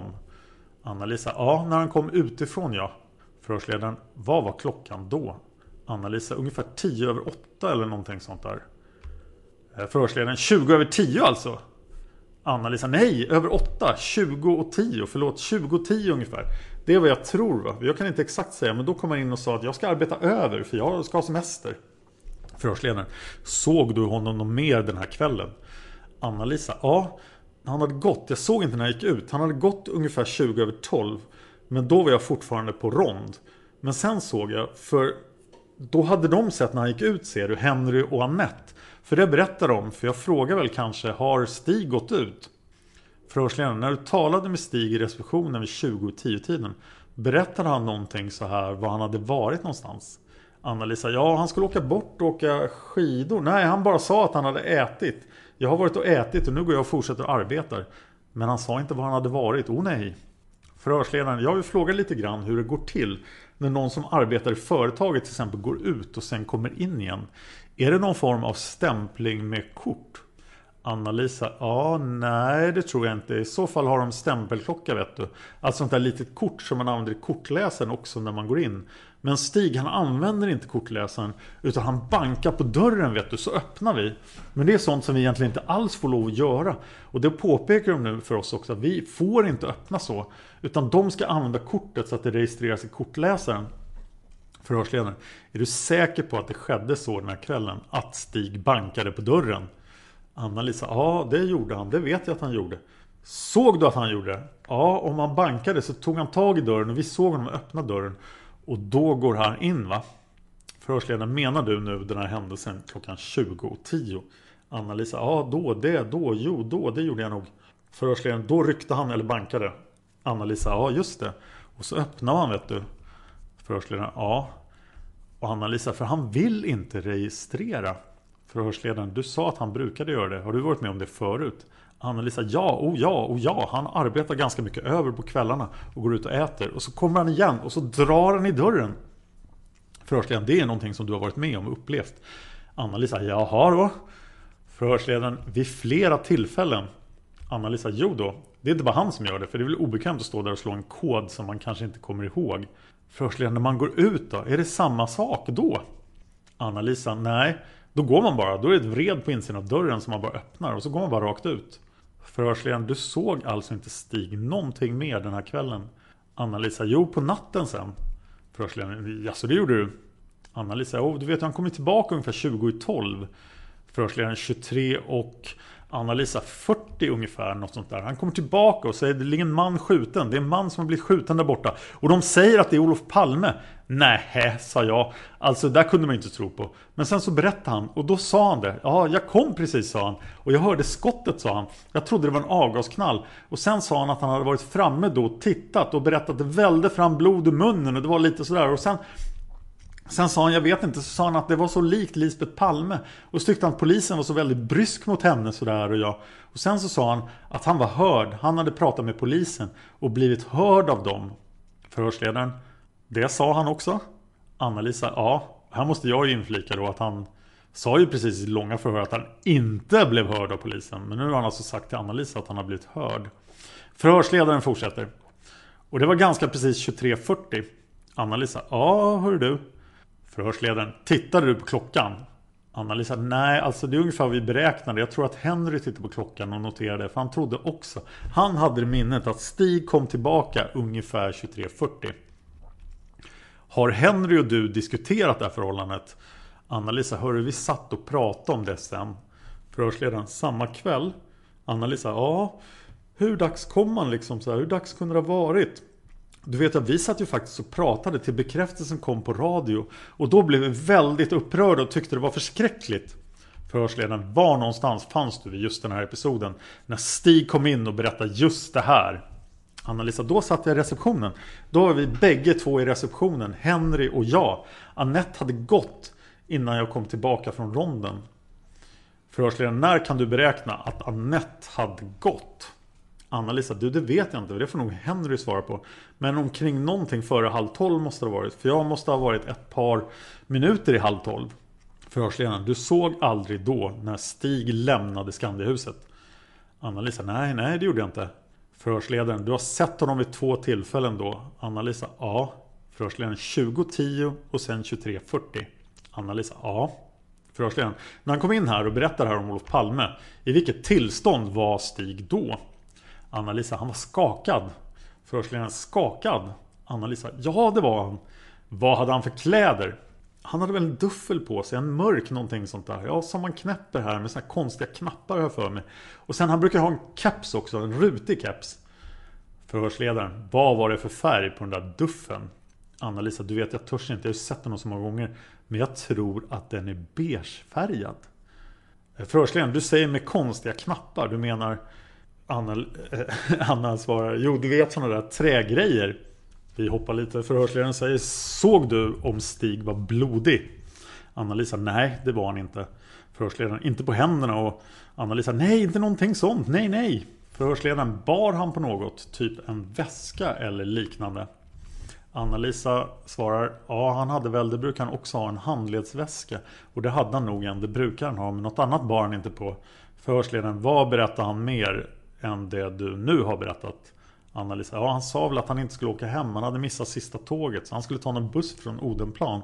Så han ringde hem till sin fru antagligen. Förhörsledaren. Han ringde från receptionen. Anna-Lisa. Ja, vi har en sån där kundtelefon som han ringde ifrån. Hur länge var Stig i receptionen? Anna-Lisa svarar, ja en tio minuter skulle jag tro ungefär. Han var där en stund. Det hade varit så kaotiskt alltihopa. Jag försökte att erinra mig vad han sa. Men det var just det där att han tyckte att polisen hade varit så... Han sa också att han var så liten den här mannen. Han hade aldrig kunnat urskilja att det var Olof Palme. Bara för att han var så, han var så vanställd i ansiktet eller sådär. Och det vällde så mycket blod. Så man kunde inte se vem det var. Och då sa han, han var så liten. Och då sa jag på en gång att Olof Palme är väldigt liten. Han var inte mycket längre än vad jag är. Och då sa han, ja, jag har aldrig träffat honom. Förhörsledaren, det sa han. Eh, Anna-Lisa, ja han sa jag har aldrig träffat Olof Palme. Men det har inte jag heller. Men jag har sett honom på något. Jag kom förbi när han hade valmöte i Solna centrum. Därför har jag sett att han är liten. Förhörsledaren, jag tänkte på när du kom till ditt arbete 2010. Anna-Lisa, ja ungefär. Eh, Förhörsledaren, då är det meningen att du ska jobba ifrån 20.45 som du sa tidigare till klockan 8.15. Hela natten då? Ja. Men under den här kvällen skulle du tjänstgöra tillsammans med Henry? Ja förhörsledaren. Du sa tidigare innan vi satte på bandspelaren att Henry var och spelade bridge. Anna-Lisa, ja, jag tror att han var det. För han brukar ju vara och spela bridge. Förhörsledaren, men i alla fall, han var ledig. Anna-Lisa, ja. Förhörsledaren, och istället för Henry så tjänstgjorde Annette. Anna-Lisa, ja. Förhörsledaren, och hon fanns alltså i receptionen nu anlände 2010. Anna-Lisa, ja det måste hon ha gjort, det måste hon ha gjort. Jag törs inte säga, men det måste hon ha gjort. Förhörsledaren, personalen som tjänstgjorde där fram till klockan 20.45 Var det Ann Söder? Anna-Lisa, nej det var inte Ann S. Det var Ann-Sofie O. Förhörsledaren, Ann-Sofie O. Anna-Lisa, ja jag tror det men jag törs inte säga. Jag törs inte säga vem som var där. För det kan ha varit någon annan. För du vet att det är så många olika som går på eftermiddagspasset. Så att det, förhörsledaren. Du nämnde tidigare också att ni brukar turas om. Ibland går du ronderingarna och ibland sitter du i receptionen. Anna-Lisa, ja du vet att det är så här. Vi går, en börjar att gå och så går man då Sveavägens stora huset. Sen börjar nästa och börjar gå de andra husen på Luntmakargatan 18, Luntmakargatan 22, Luntmakargatan 14 16 och Tunnelgatan 5. Förhörsledaren den här aktuella kvällen så berättar du i alla fall att strax efter klockan 21 så börjar du din rondering på åtta trappor. Anna-Lisa, ja. Och jag går ner. Eh, jag går hela vägen ner förhörsledaren. Och när du då kom till ett våningsplan, första våningsplanet där Stig har sitt kontor, var det någonting speciellt du observerade? Anna-Lisa, nej, nej, inte någonting, ingenting. Förhörsledaren, har Stig någon specialinredning på sitt kontor eller den lokal han disponerar? Anna-Lisa, hör du, jag skulle kunna tro att han har det för han håller på med reklam och sånt. Och jag skulle kunna tro att han har nog skärmar du vet, jag vet inte vad sånt där heter, fotogrejer som han lyser i. Förhörsledaren, ja jag förstår. Han har ett mörkrum. Anna-Lisa, nej nej nej, inte alls ett mörkrum. Utan du vet, man, han har en sån där som man sticker in bilder och tittar i och sånt där. Förhörsledaren, finns det någon anordning utanför hans lokal? Dörren som talar om att man inte får gå in där? Anna-Lisa, nej det gör det inte. Det gör det inte. Oh nej. Förhörsledaren, jag tänker på typ någon lampa som lyser rött. Eh, Anna-Lisa, nej det finns det inte. Det finns bara hans namn och hans foto utanför. Det står Stig E. Och så hans foto. Förhörsledaren. Nu har det tänt i korridoren har du berättat. Anna-Lisa. Ja, då och jag. För du vet. Det är helt upptänt i vartenda rum där när vi kommer. Men det är ingen som släcker utan det går vi och gör. Och när jag visste att han var där så släckte jag inte. Förhörsledaren. Tänkte du på om det lyste under hans dörr? Anna-Lisa. Nej, nej, nej. Och förmodligen gjorde det det men jag vet inte. Förhörsledaren. Men det var inget du reflekterade över. Anna-Lisa, nej därför att jag visste att han var där. Annars vet om jag inte vet att han är där så släcker jag ner. Och då kommer han ut och säger Var snäll och tänd igen. Ifall jag släcker ner för honom då. Förhörsledaren, då befinner du dig på en trappa. Och då berättar du att du från en trappa såg ner i receptionen. Anna-Lisa svarar ja det gör man. Och eh, det är efter att man har gått förbi Stigs rum. Förhörsledaren, vad gjorde du efter att du hade gått förbi Stigs rum? Gick du ner i receptionen då? Anna-Lisa, nej jag gick inte ner, jag går inte ner då. Förhörsledaren, vart tog du vägen då? Anna-Lisa, då fortsätter jag gå vet du. Och sen har man lokaler, det är en sån där bastu och så finns det, så går man och låser en dörr på Sveavägen 48. Som man låser då, för det är lokaler de har där. Och där får de vara på kvällarna med träning och solarium. Och de har en sån där gymnastikhall och teknikhall. Förhörsledaren, vad kan klockan ha varit ungefär när du befann dig just vid Stigs korridor? Anna-Lisa, ja du ungefär 22.30 Förhörsledaren, kom du tillbaka till den korridoren något mer under den kvällen? Anna-Lisa, nej, nej, nej, inte någon gång. Utan sen går man vidare vet du, genom alla de där lokalerna, genom deras postavdelning. Förhörsledaren, är lokalerna larmade på något sätt? Jag tänker på dörrar ut i ett sånt stort komplex. Anna-Lisa, ja alla dörrar men du vet det är ingen som kan gå ut genom några dörrar där längre utan de är låsta med sju tillhålla lås. Och det är bara vakten som har nyckel till dem förhörsledaren.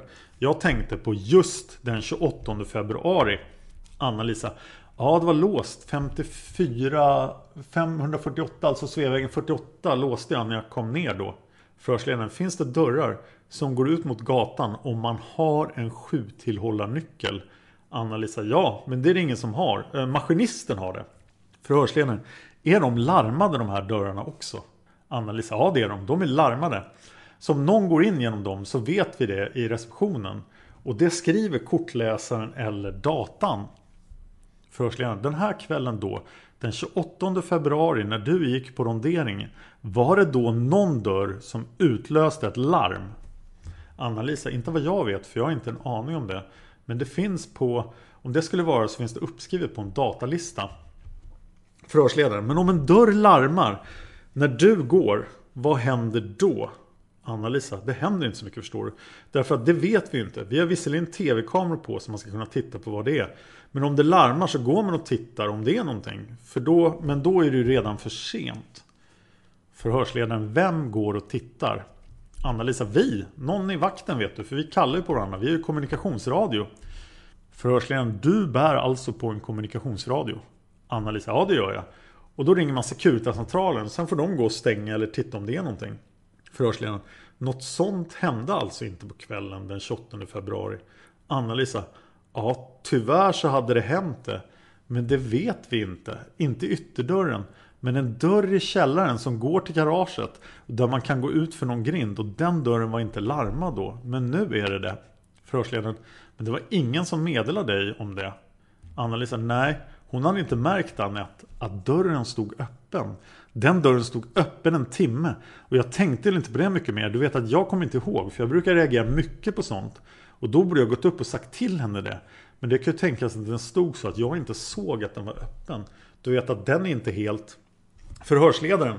När konstaterade, ni det, när konstaterade ni det här förhållandet att dörren hade stått öppen en timme? Anna-Lisa, det hade de sett när de tittade på datalistan. Förhörsledaren, vilka de? Eh, och Anna-Lisa, ja han heter Hans-Olof O och han är vår kontaktman. Förhörsledaren, nu menar du den här dörren som är larmad. Den hade alltså stått i en timme och det registreras på en data. Anna-Lisa, ja. Förhörsledaren, gick du förbi den här dörren? Anna-Lisa, jag går igenom den dörren och jag hade stängt den så att jag återställde dörren klockan 23.22. Förhörsledaren, det var du som gjorde det? Anna-Lisa, ja helt klart.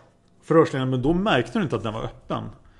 Anna-Lisa, förmodligen har jag inte märkt den. Men sen är det så du förstår, det finns en firma som heter La Cartier. En affär som har sitt lager där nere vid den dörren.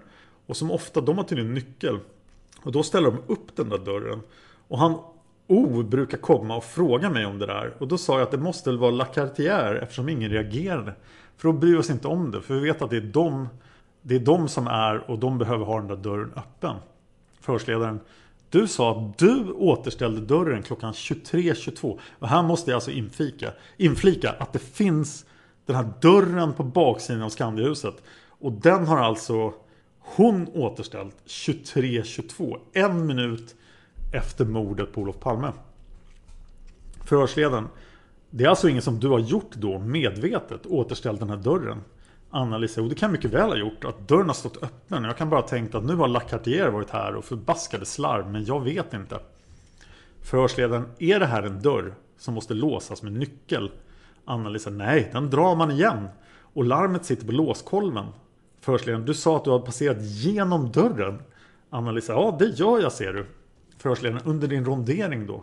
Anna-Lisa, ja, jag kommer, du vet, jag går igenom yttre garaget och så går man igenom den dörren in i en korridor. Förhörsledaren, vad händer när du öppnar dörren? Anna-Lisa, vad som händer? Förhörsledaren, ja. Anna-Lisa, det händer väl ingenting? Förhörsledaren, går inte larmet? Anna-Lisa, nej det är ett fördröjt larm. Så om dörren står öppen mer än jag tror, sex minuter eller någonting sånt där, då går larmet. Förhörsledaren, det talas om ett cykelstall för de anställda. Anna-Lisa, ja. Förhörsledaren, är det samma dörr eller? Anna-Lisa, nej, nej, det är tidigare ser du. Så man kommer och går, det är så svårt att beskriva det här, genom cykelstallet, ut i garageinfarten. Du vet, det är en utomhusnerfart ner till garaget. Så går man in genom en liten dörr, in i garageporten. Och in genom garaget och fram till den här dörren. Och där går det att gå ut vet du genom. Sen måste man ha nyckel för att kunna gå in. Förhörsledaren, det går att gå ut utan nyckel. Men nyckel krävs för att gå in. Anna-Lisa, ja. Förhörsledaren, den här dörren är alltså olarmad. Anna-Lisa, ja det var den då, men nu är den inte det. Nu är den larmad. Förhörsledaren, men då kunde man ta sig ut där utan att det registrerades. Anna-Lisa, ja.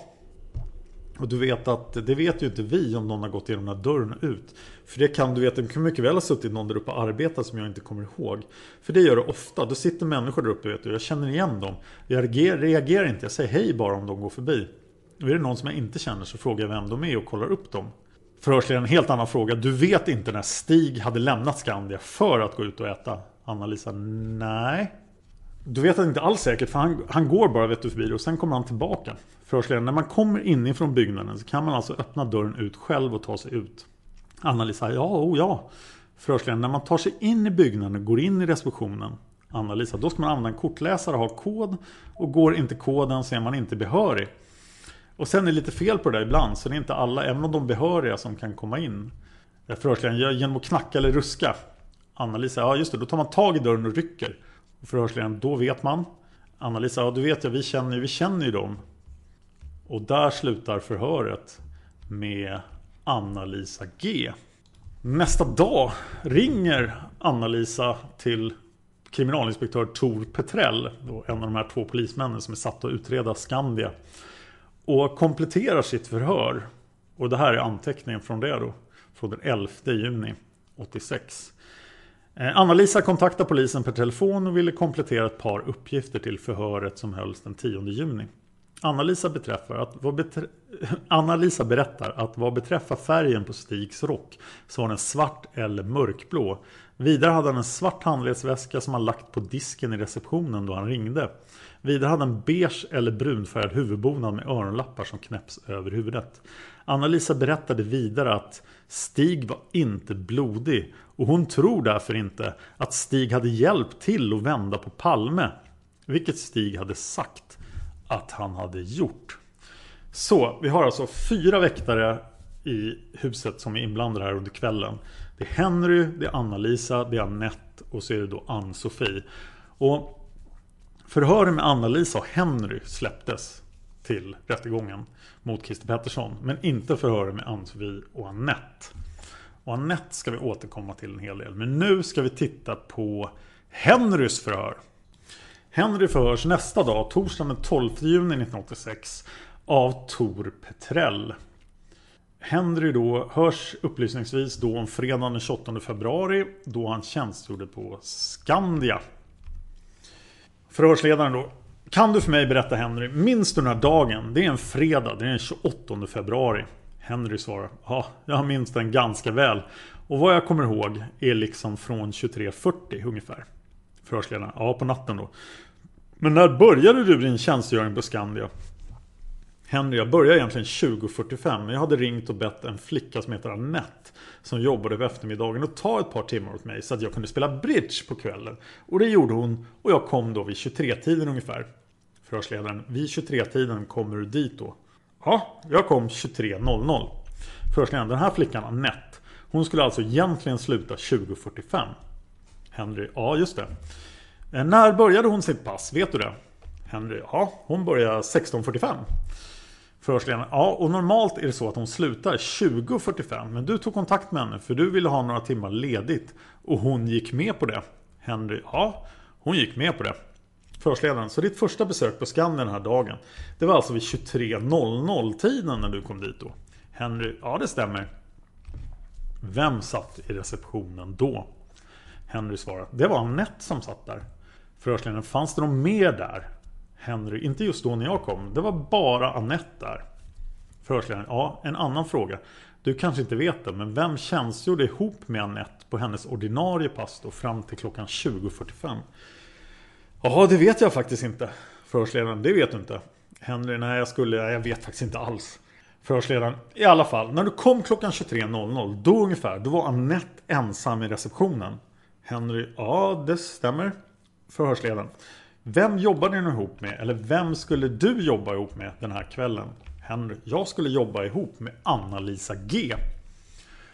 Förhörsledaren. Ja, var någonstans var hon? Vet du det? Henry. Hon var ute på rondering. Hon var troligtvis någonstans på våning 1 eller på bottenplanet. Förhörsledaren. Jaha, varför tror du det? Henry? Jo, dels för att ronderingen ska avslutas halv tolv då. Och jag har ett minne av att hon kom ner vid 23.15. Efter att jag hade bytt om och skulle avlösa Annette då. Så kom Anna-Lisa ner i receptionen och vidare och så gick hon vidare. Det är ungefär normal rutin när det gäller tid och allting. Förhörsledaren, så ni turas om då efter att jag förstår att rondera. Henry, ja just det. Förhörsledaren, någon ska sitta i receptionen och en går och ronderar. Henry, ja just det. Förhörsledaren, ni är två väktare som tjänstgör. Henry, ja. Förhörsledaren, när du kom till jobbet så gick du alltså upp och bytte, gick du alltså bytte om och sen var klockan 23.15 och då gick du upp för att avlösa Annette. Henry, ja jag gick bakom receptionen och bytte om då. Sen gick jag in till, jag gick på toaletten, hämtade en kopp kaffe och så gick jag till receptionen och då var hon 23.15 ungefär. Förhörsledaren, kan du berätta vad som hände därefter när Annette lämnade? Henry, ja, när jag kom dit så bytte vi. Så gick hon och bytte om tror jag. Hon brukar vara ganska snabb. Sen när hon gick ut igen i receptionen så pratade vi en liten stund. För hon skulle jobba på morgonen igen. Ja, frågade om hon ville komma lite senare eller någonting. Och medan vi höll på att prata där så kom Stig E. Förhörsledaren, varifrån då? Henry inifrån huset. Troligtvis från sitt rum då på en trappa. Och ja, jag pratade med honom ganska mycket. Jag frågade om han hade haft mycket att göra och då sa han att han hade slutfört ett jobb som var tvungen att vara klart. För han skulle på semester nästa vecka. Sen stod vi och pratade ett par minuter. Och sen ungefär 23.20 så skulle han gå iväg hem då. För att ta sista T-banan hem. Han bor tydligen ute åt Mörby eller Danderyd någonting. Och tåget kommer på Centralen kvart i tolv. Förhörsledaren. Hur gjorde Stig när han kom ut? Har ni några rutiner att de ska stämpla eller de måste ha nyckel och låsa upp dörren eller någonting sånt? Eh, Henry. Nej, om man hade stämplat ut så gjorde han det innan han kom till receptionen så att säga. Så det är en sån sak som vi inte såg om han gjorde eller inte. Förhörsledaren. Det syns inte från receptionen. Eh, Henry. Nej, men troligtvis gjorde han det eftersom han skulle på semester. Förhörsledaren. Ja, och efter det här lilla samtalet med honom så gick han därifrån. Henry, ja. Och så önskar jag honom trevlig semester som man brukar göra. Förhörsledaren.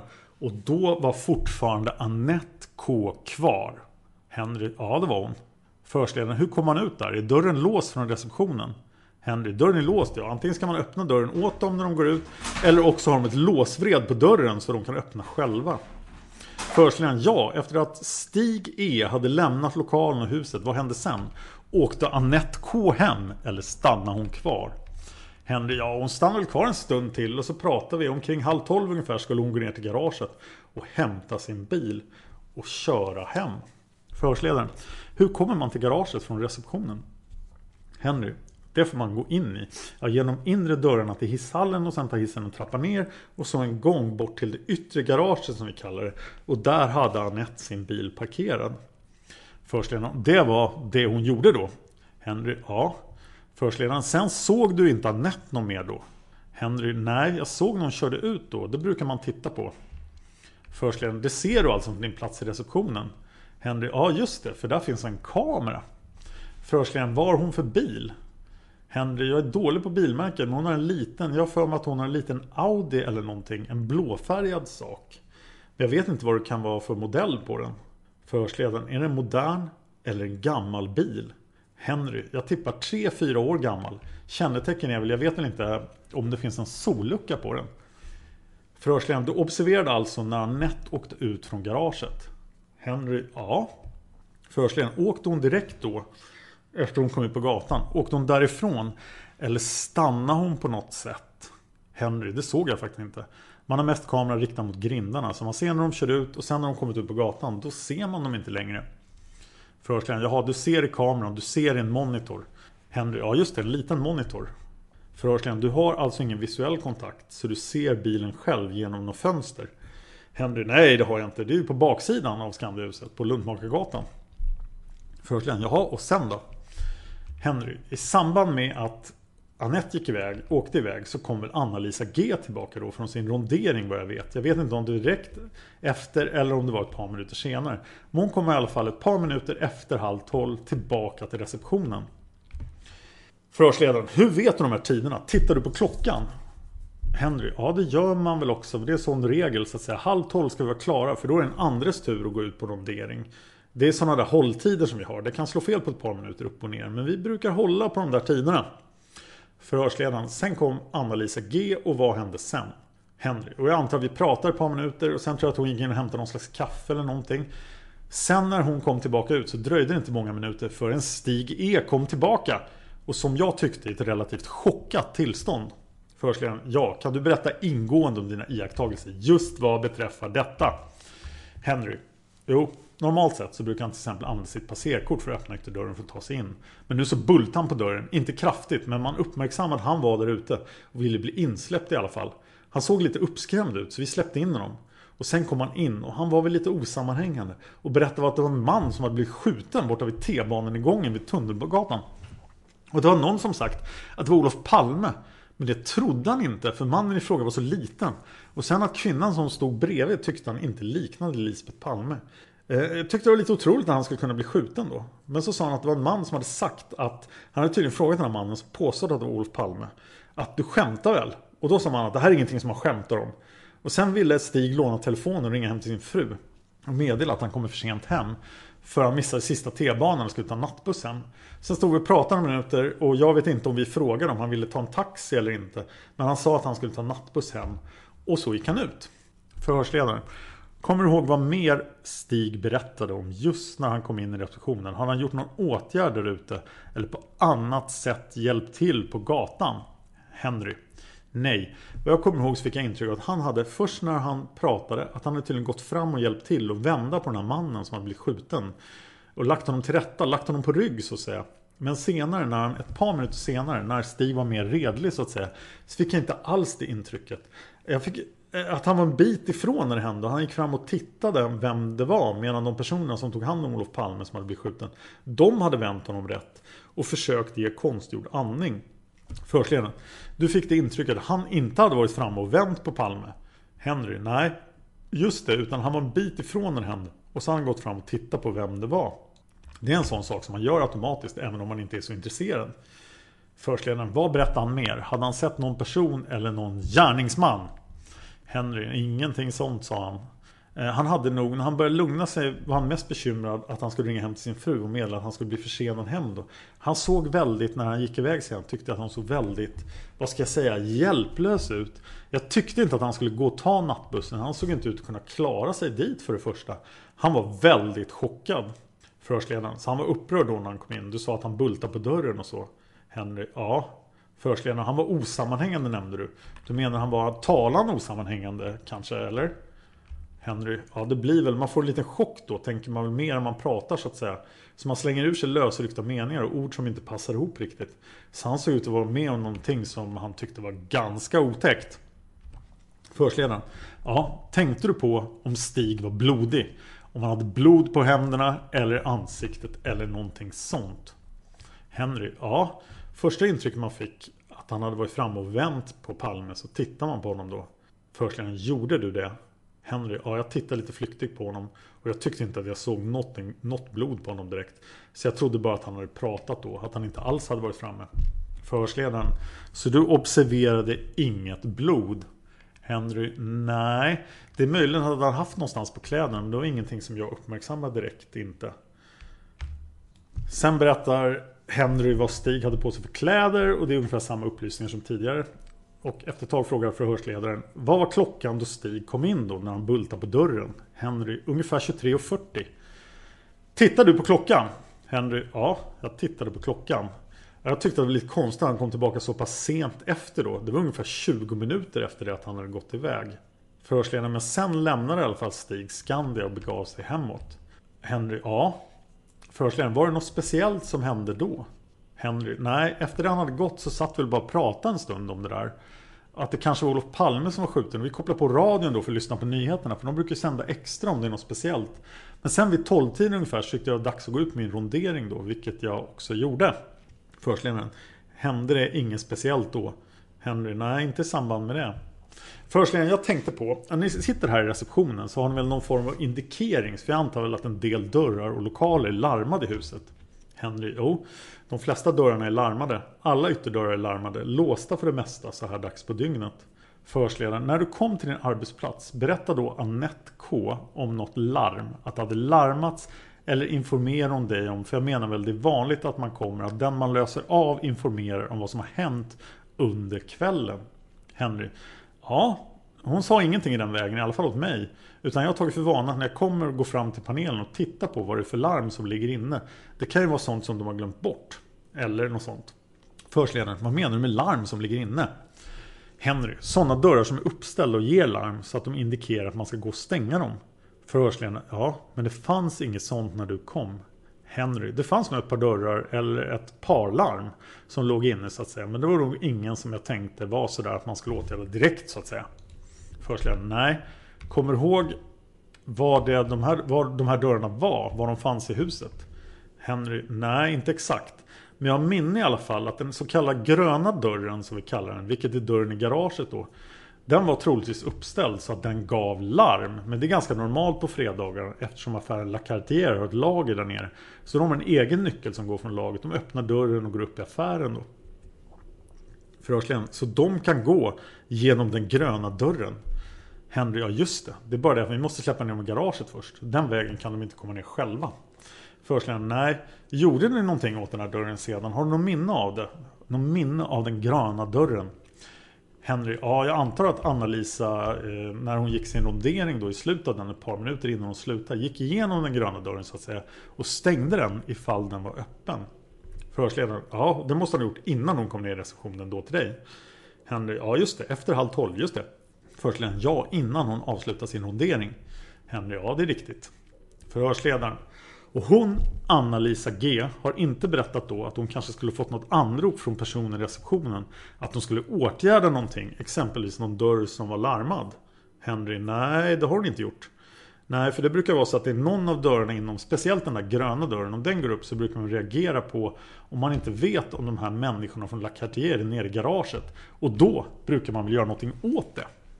Förhörsledaren, det här La Cartier, du sa tidigare att de de hjälps ner i garaget. Så kan vi gå in på de detaljerna lite grann?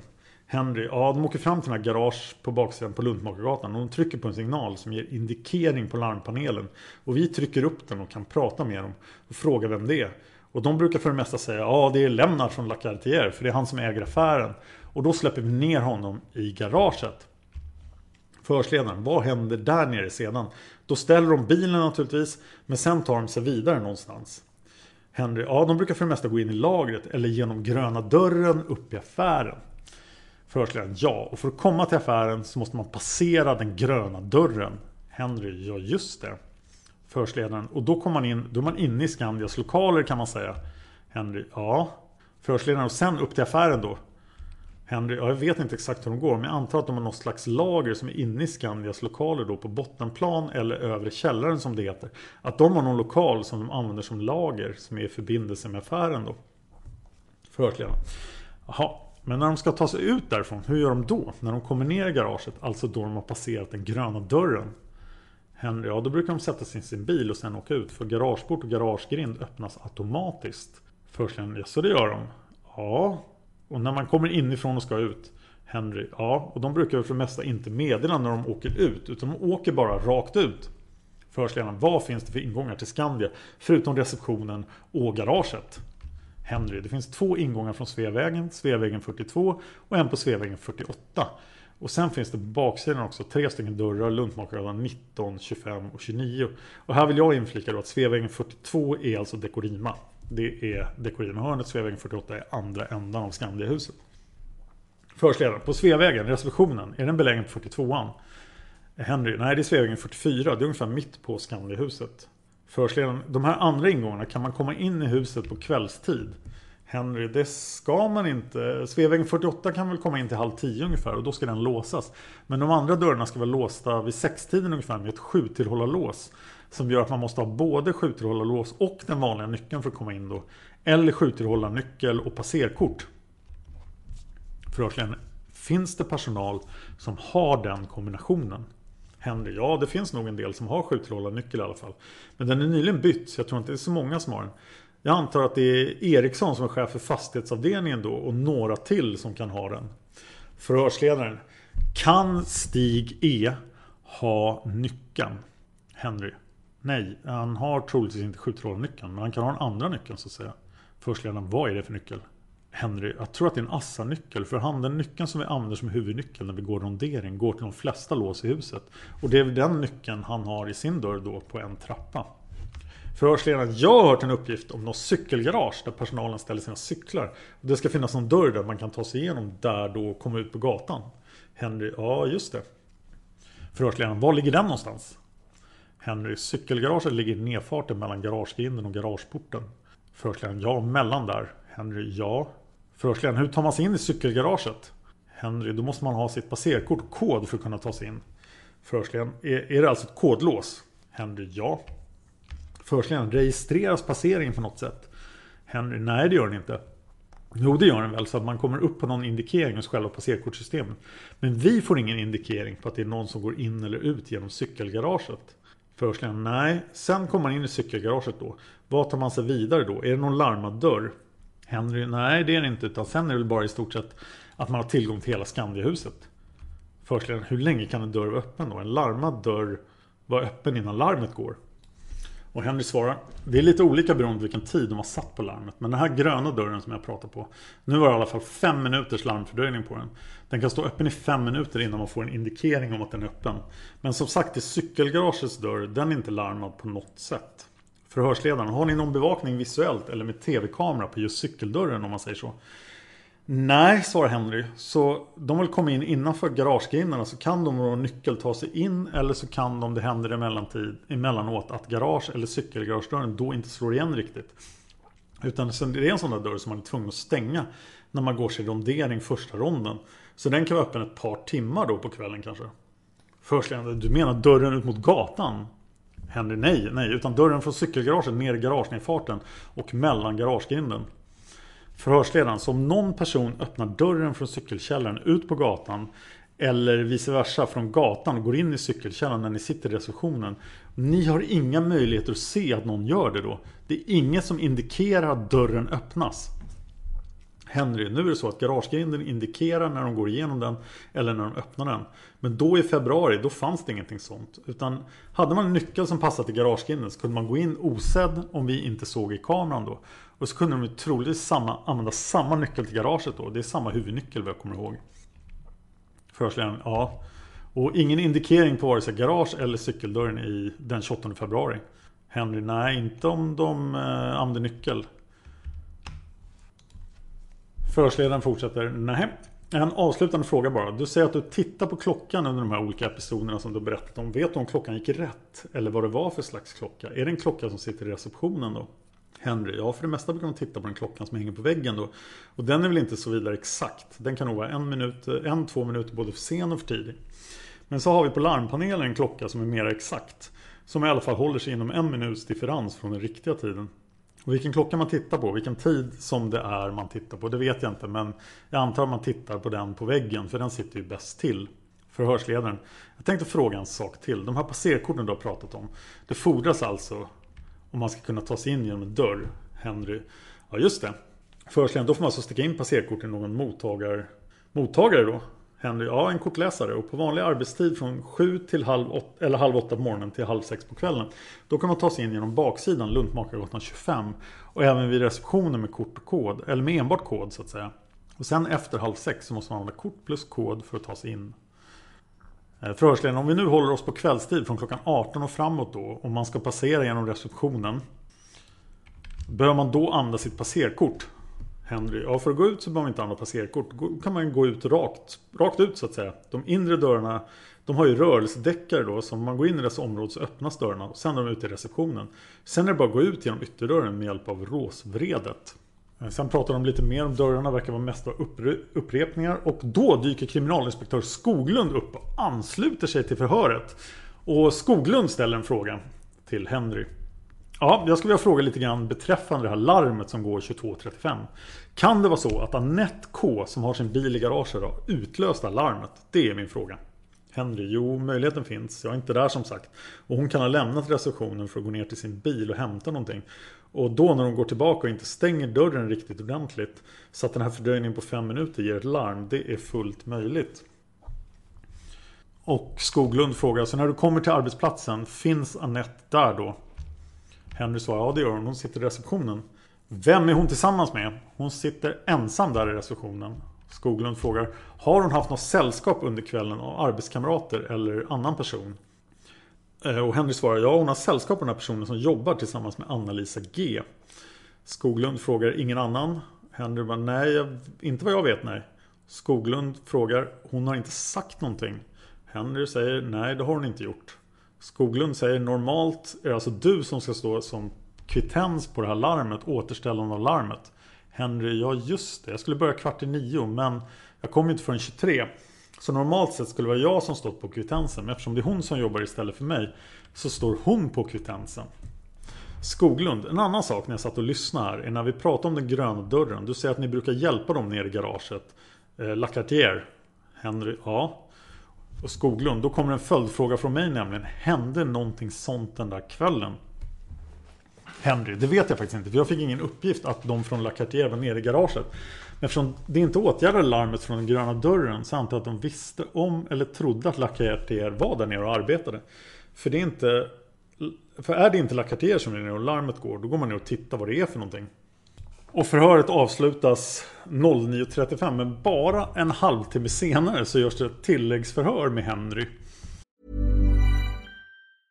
Have catch yourself eating the same flavorless dinner three days in a row? Dreaming of something better?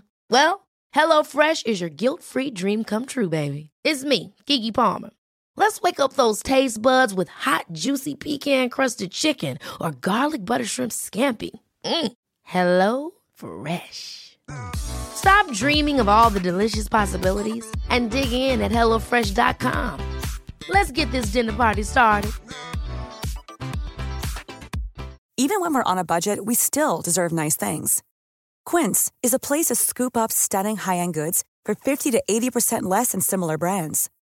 They have buttery soft cashmere sweaters starting at $50, luxurious Italian leather bags, and so much more. Plus, Quince only works with factories that use safe, ethical, and responsible manufacturing. Get the high-end goods you'll love without the high price tag with Quince. Go to quince.com/style for free shipping and 365-day returns. Och eh, det är då både Skoglund och Petrell som vill prata ännu mer med honom. Så det finns ett till protokoll som bara är en halvtimme senare. Och det här förhöret handlar bara om dörren som har stått öppen. Och det visar sig i datalistan då. Det är väl därför de har förhöret direkt. De har kollat i datalistan och upptäckt att det är Henry som har kvitterat larmet på dörren då. Och han har inte gjort det utan det måste vara någon annan som har gjort det i hans namn. Med hans kod. Och vi hoppar in i förhöret flera sidor, sex sidor in. Eh, förhörsledaren säger det betyder att någon annan har suttit vid terminalen och pekat in 111 Securitas. Henry, ja det måste det vara i så fall. Förhörsledaren, vem har det varit då? Henry, det måste vara Nett i sådana fall. Henry, är du säker på det? Henry, jo, eftersom jag har fått kvitterat 135 så måste Anna-Lisa G också i samma viva fått sin tresiffriga kod som hon återställer med. Så det kan inte vara hon. Förhörsledaren kan du genom att titta på de här två. Nu visar jag att det finns inga beteckningar. Vi tittar på datalistorna från 2235. Vi börjar då med dörrkontroll. Det står markerat med en pil på datalistan. Och det är 2235 larm. Det står 48 ÖK transportgång lastplats. Kan du med ledning av de här noteringarna avgöra om Anna-Lisa eller har varit på rond vid den här tidpunkten eller på några särskilda platser i huset. Kan du Kan du se att det här larmet är resultat av en rondering? Henry, ja alla larmen, alla de övriga larmen förutom det här med 548 ÖK transportgång lastplats. Larm då som Anna-Lisa har gett upphov till under sin rondering. Och att den här dörrkontrollen 48 transportgång lastplats kommer in mitt emellan de här larmen så ser jag ganska otroligt att hon skulle ha gått den här vägen då. Eftersom man även kontrollerar remsan som vi går och drar. Kan man se att har man gått den normala vägen så att säga istället för att hoppa fram och tillbaka. För att det är ju ganska tidsödande. Förhörsledaren. Det är så Henry tror jag att den här dörren ska inte passeras i det här momentet så att säga. Henry, nej den ska passeras senare ungefär. Man går i ett streck ungefär 20 minuter senare än de andra larmen som ger larm. Förhörsledaren, vad ger det här för förklaring mina herrar? Henry, ja det är någon annan än den ronderande väktaren som har gått in genom den här dörrkontrollen då 548 ÖK Transport lastplats. Men det är ju ingen indikering om vem det är som har gått igenom här. Förhörsledaren, då frågar man vilka personer vet du idag fanns i byggnaden? Vilka känner du till?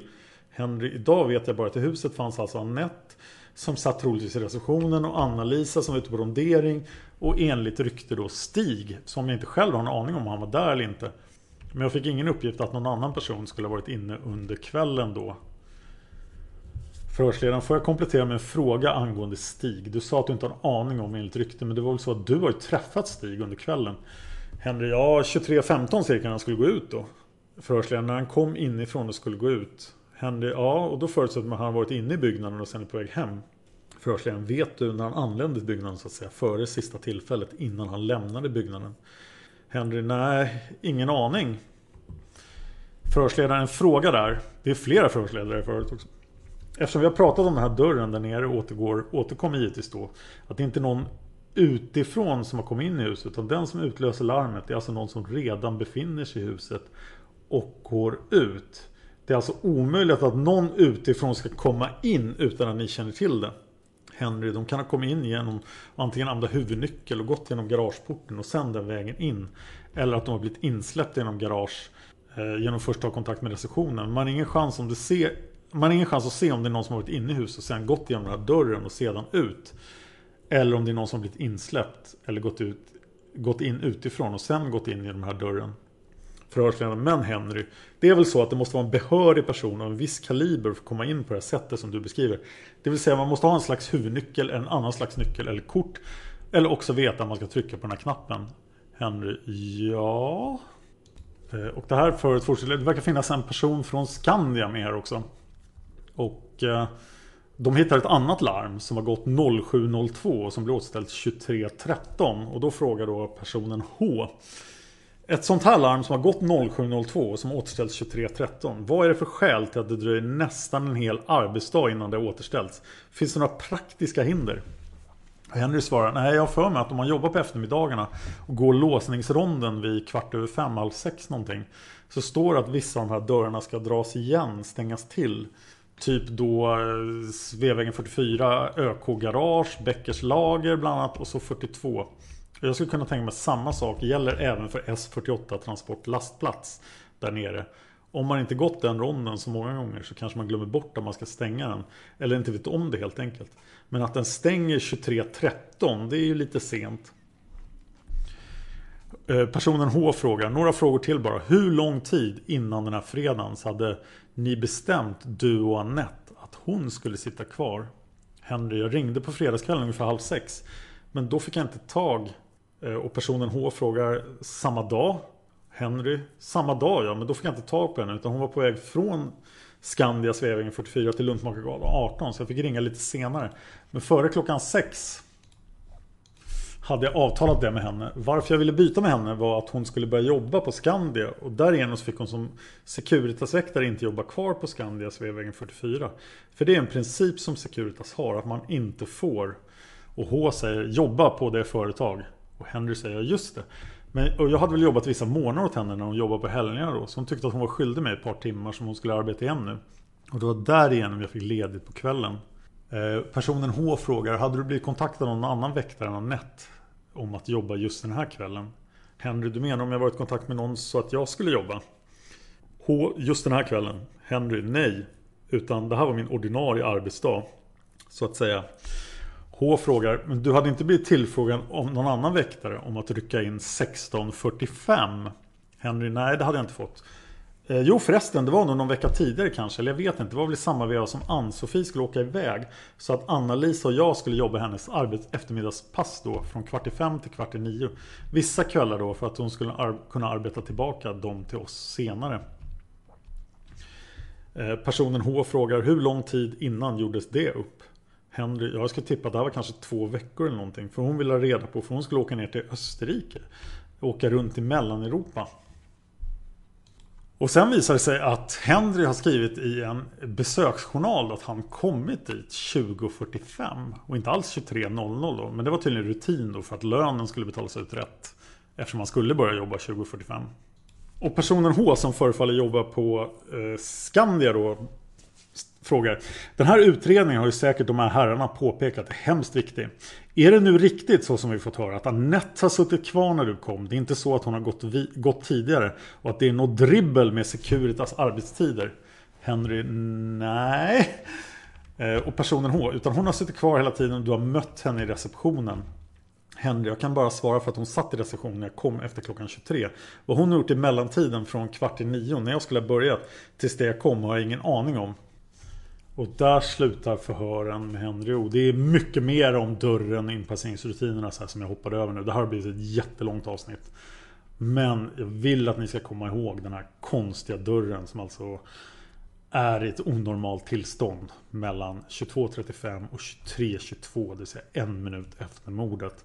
Vi har som sagt inte förhören med Annette och Ann-Sofie. Förhören med Annette verkar ha, de är ju under förundersökningssekretess förstås, men de släpptes inte här och de har varit, folk har försökt få ut dem då men har inte lyckats. Så att de verkar ha en någon slags hemlig stämpel då. Och om Annette K så finns det flera mysterier då. Och det finns en vanlig missuppfattning om henne. Att hon skulle ha varit Hans Holmers älskarinna. Men det är inte sant. Däremot bor hon på samma adress. Hans Holmer ligger alltså i skilsmässa. Han har åkt till Vasaloppet med sin älskarinna Åsa. Och Åsas, Hans Holmers blivande hustru som han senare gifter sig med. Hon bor alltså i samma hus som Annette K gör. Men Annette K är alltså inte Holmers älskarinna. Eh, och då är det många som har funderat över vad, vad är det för konstigt med den här dörren? Och vad Annette K lämnar alltså troligtvis 23-28 eh, Skandiahuset i bil då. Och är hon verkligen ensam i bilen? Eller vad annat kan hon ha i sin bil? Och vi ska höra mer uppgifter nästa gång. För nästa gång är det dags att prata med personalen på Skandia. Det vill säga de som är ansvariga för att leja de här väktarna. Vi ska prata med personalchefen. Och vi ska prata med säkerhetschefen på Skandia. Som är oroade över det som har kommit fram i de här förhören. Jag vill tacka Patrik som har förmedlat kontakt med Lars Larsson, författaren av Nationens fiende och även bollat saker med mig. Jag har en fråga från en dollar 5 Patreon. Dollar 5, om ni sponsrar Palmemordet med 5 dollar per avsnitt på patreon.com Palmemordet så får ni ställa frågor och jag har fått en sån fråga. På Youtube-kanalen Palmemordet finns LAC-bandet. Det är alltså bandet från Länsalarmeringscentralen. Och då har Mattias, eh, hej Mattias, han har noterat följande. 14.48 in på LAC-bandet så är det någon som blir gratulerad. Eller eh, han blir gratulerad, och sen får han höra att Palme är skjuten. Och vad är det som gratuleras och är inte samtalet lite skumt?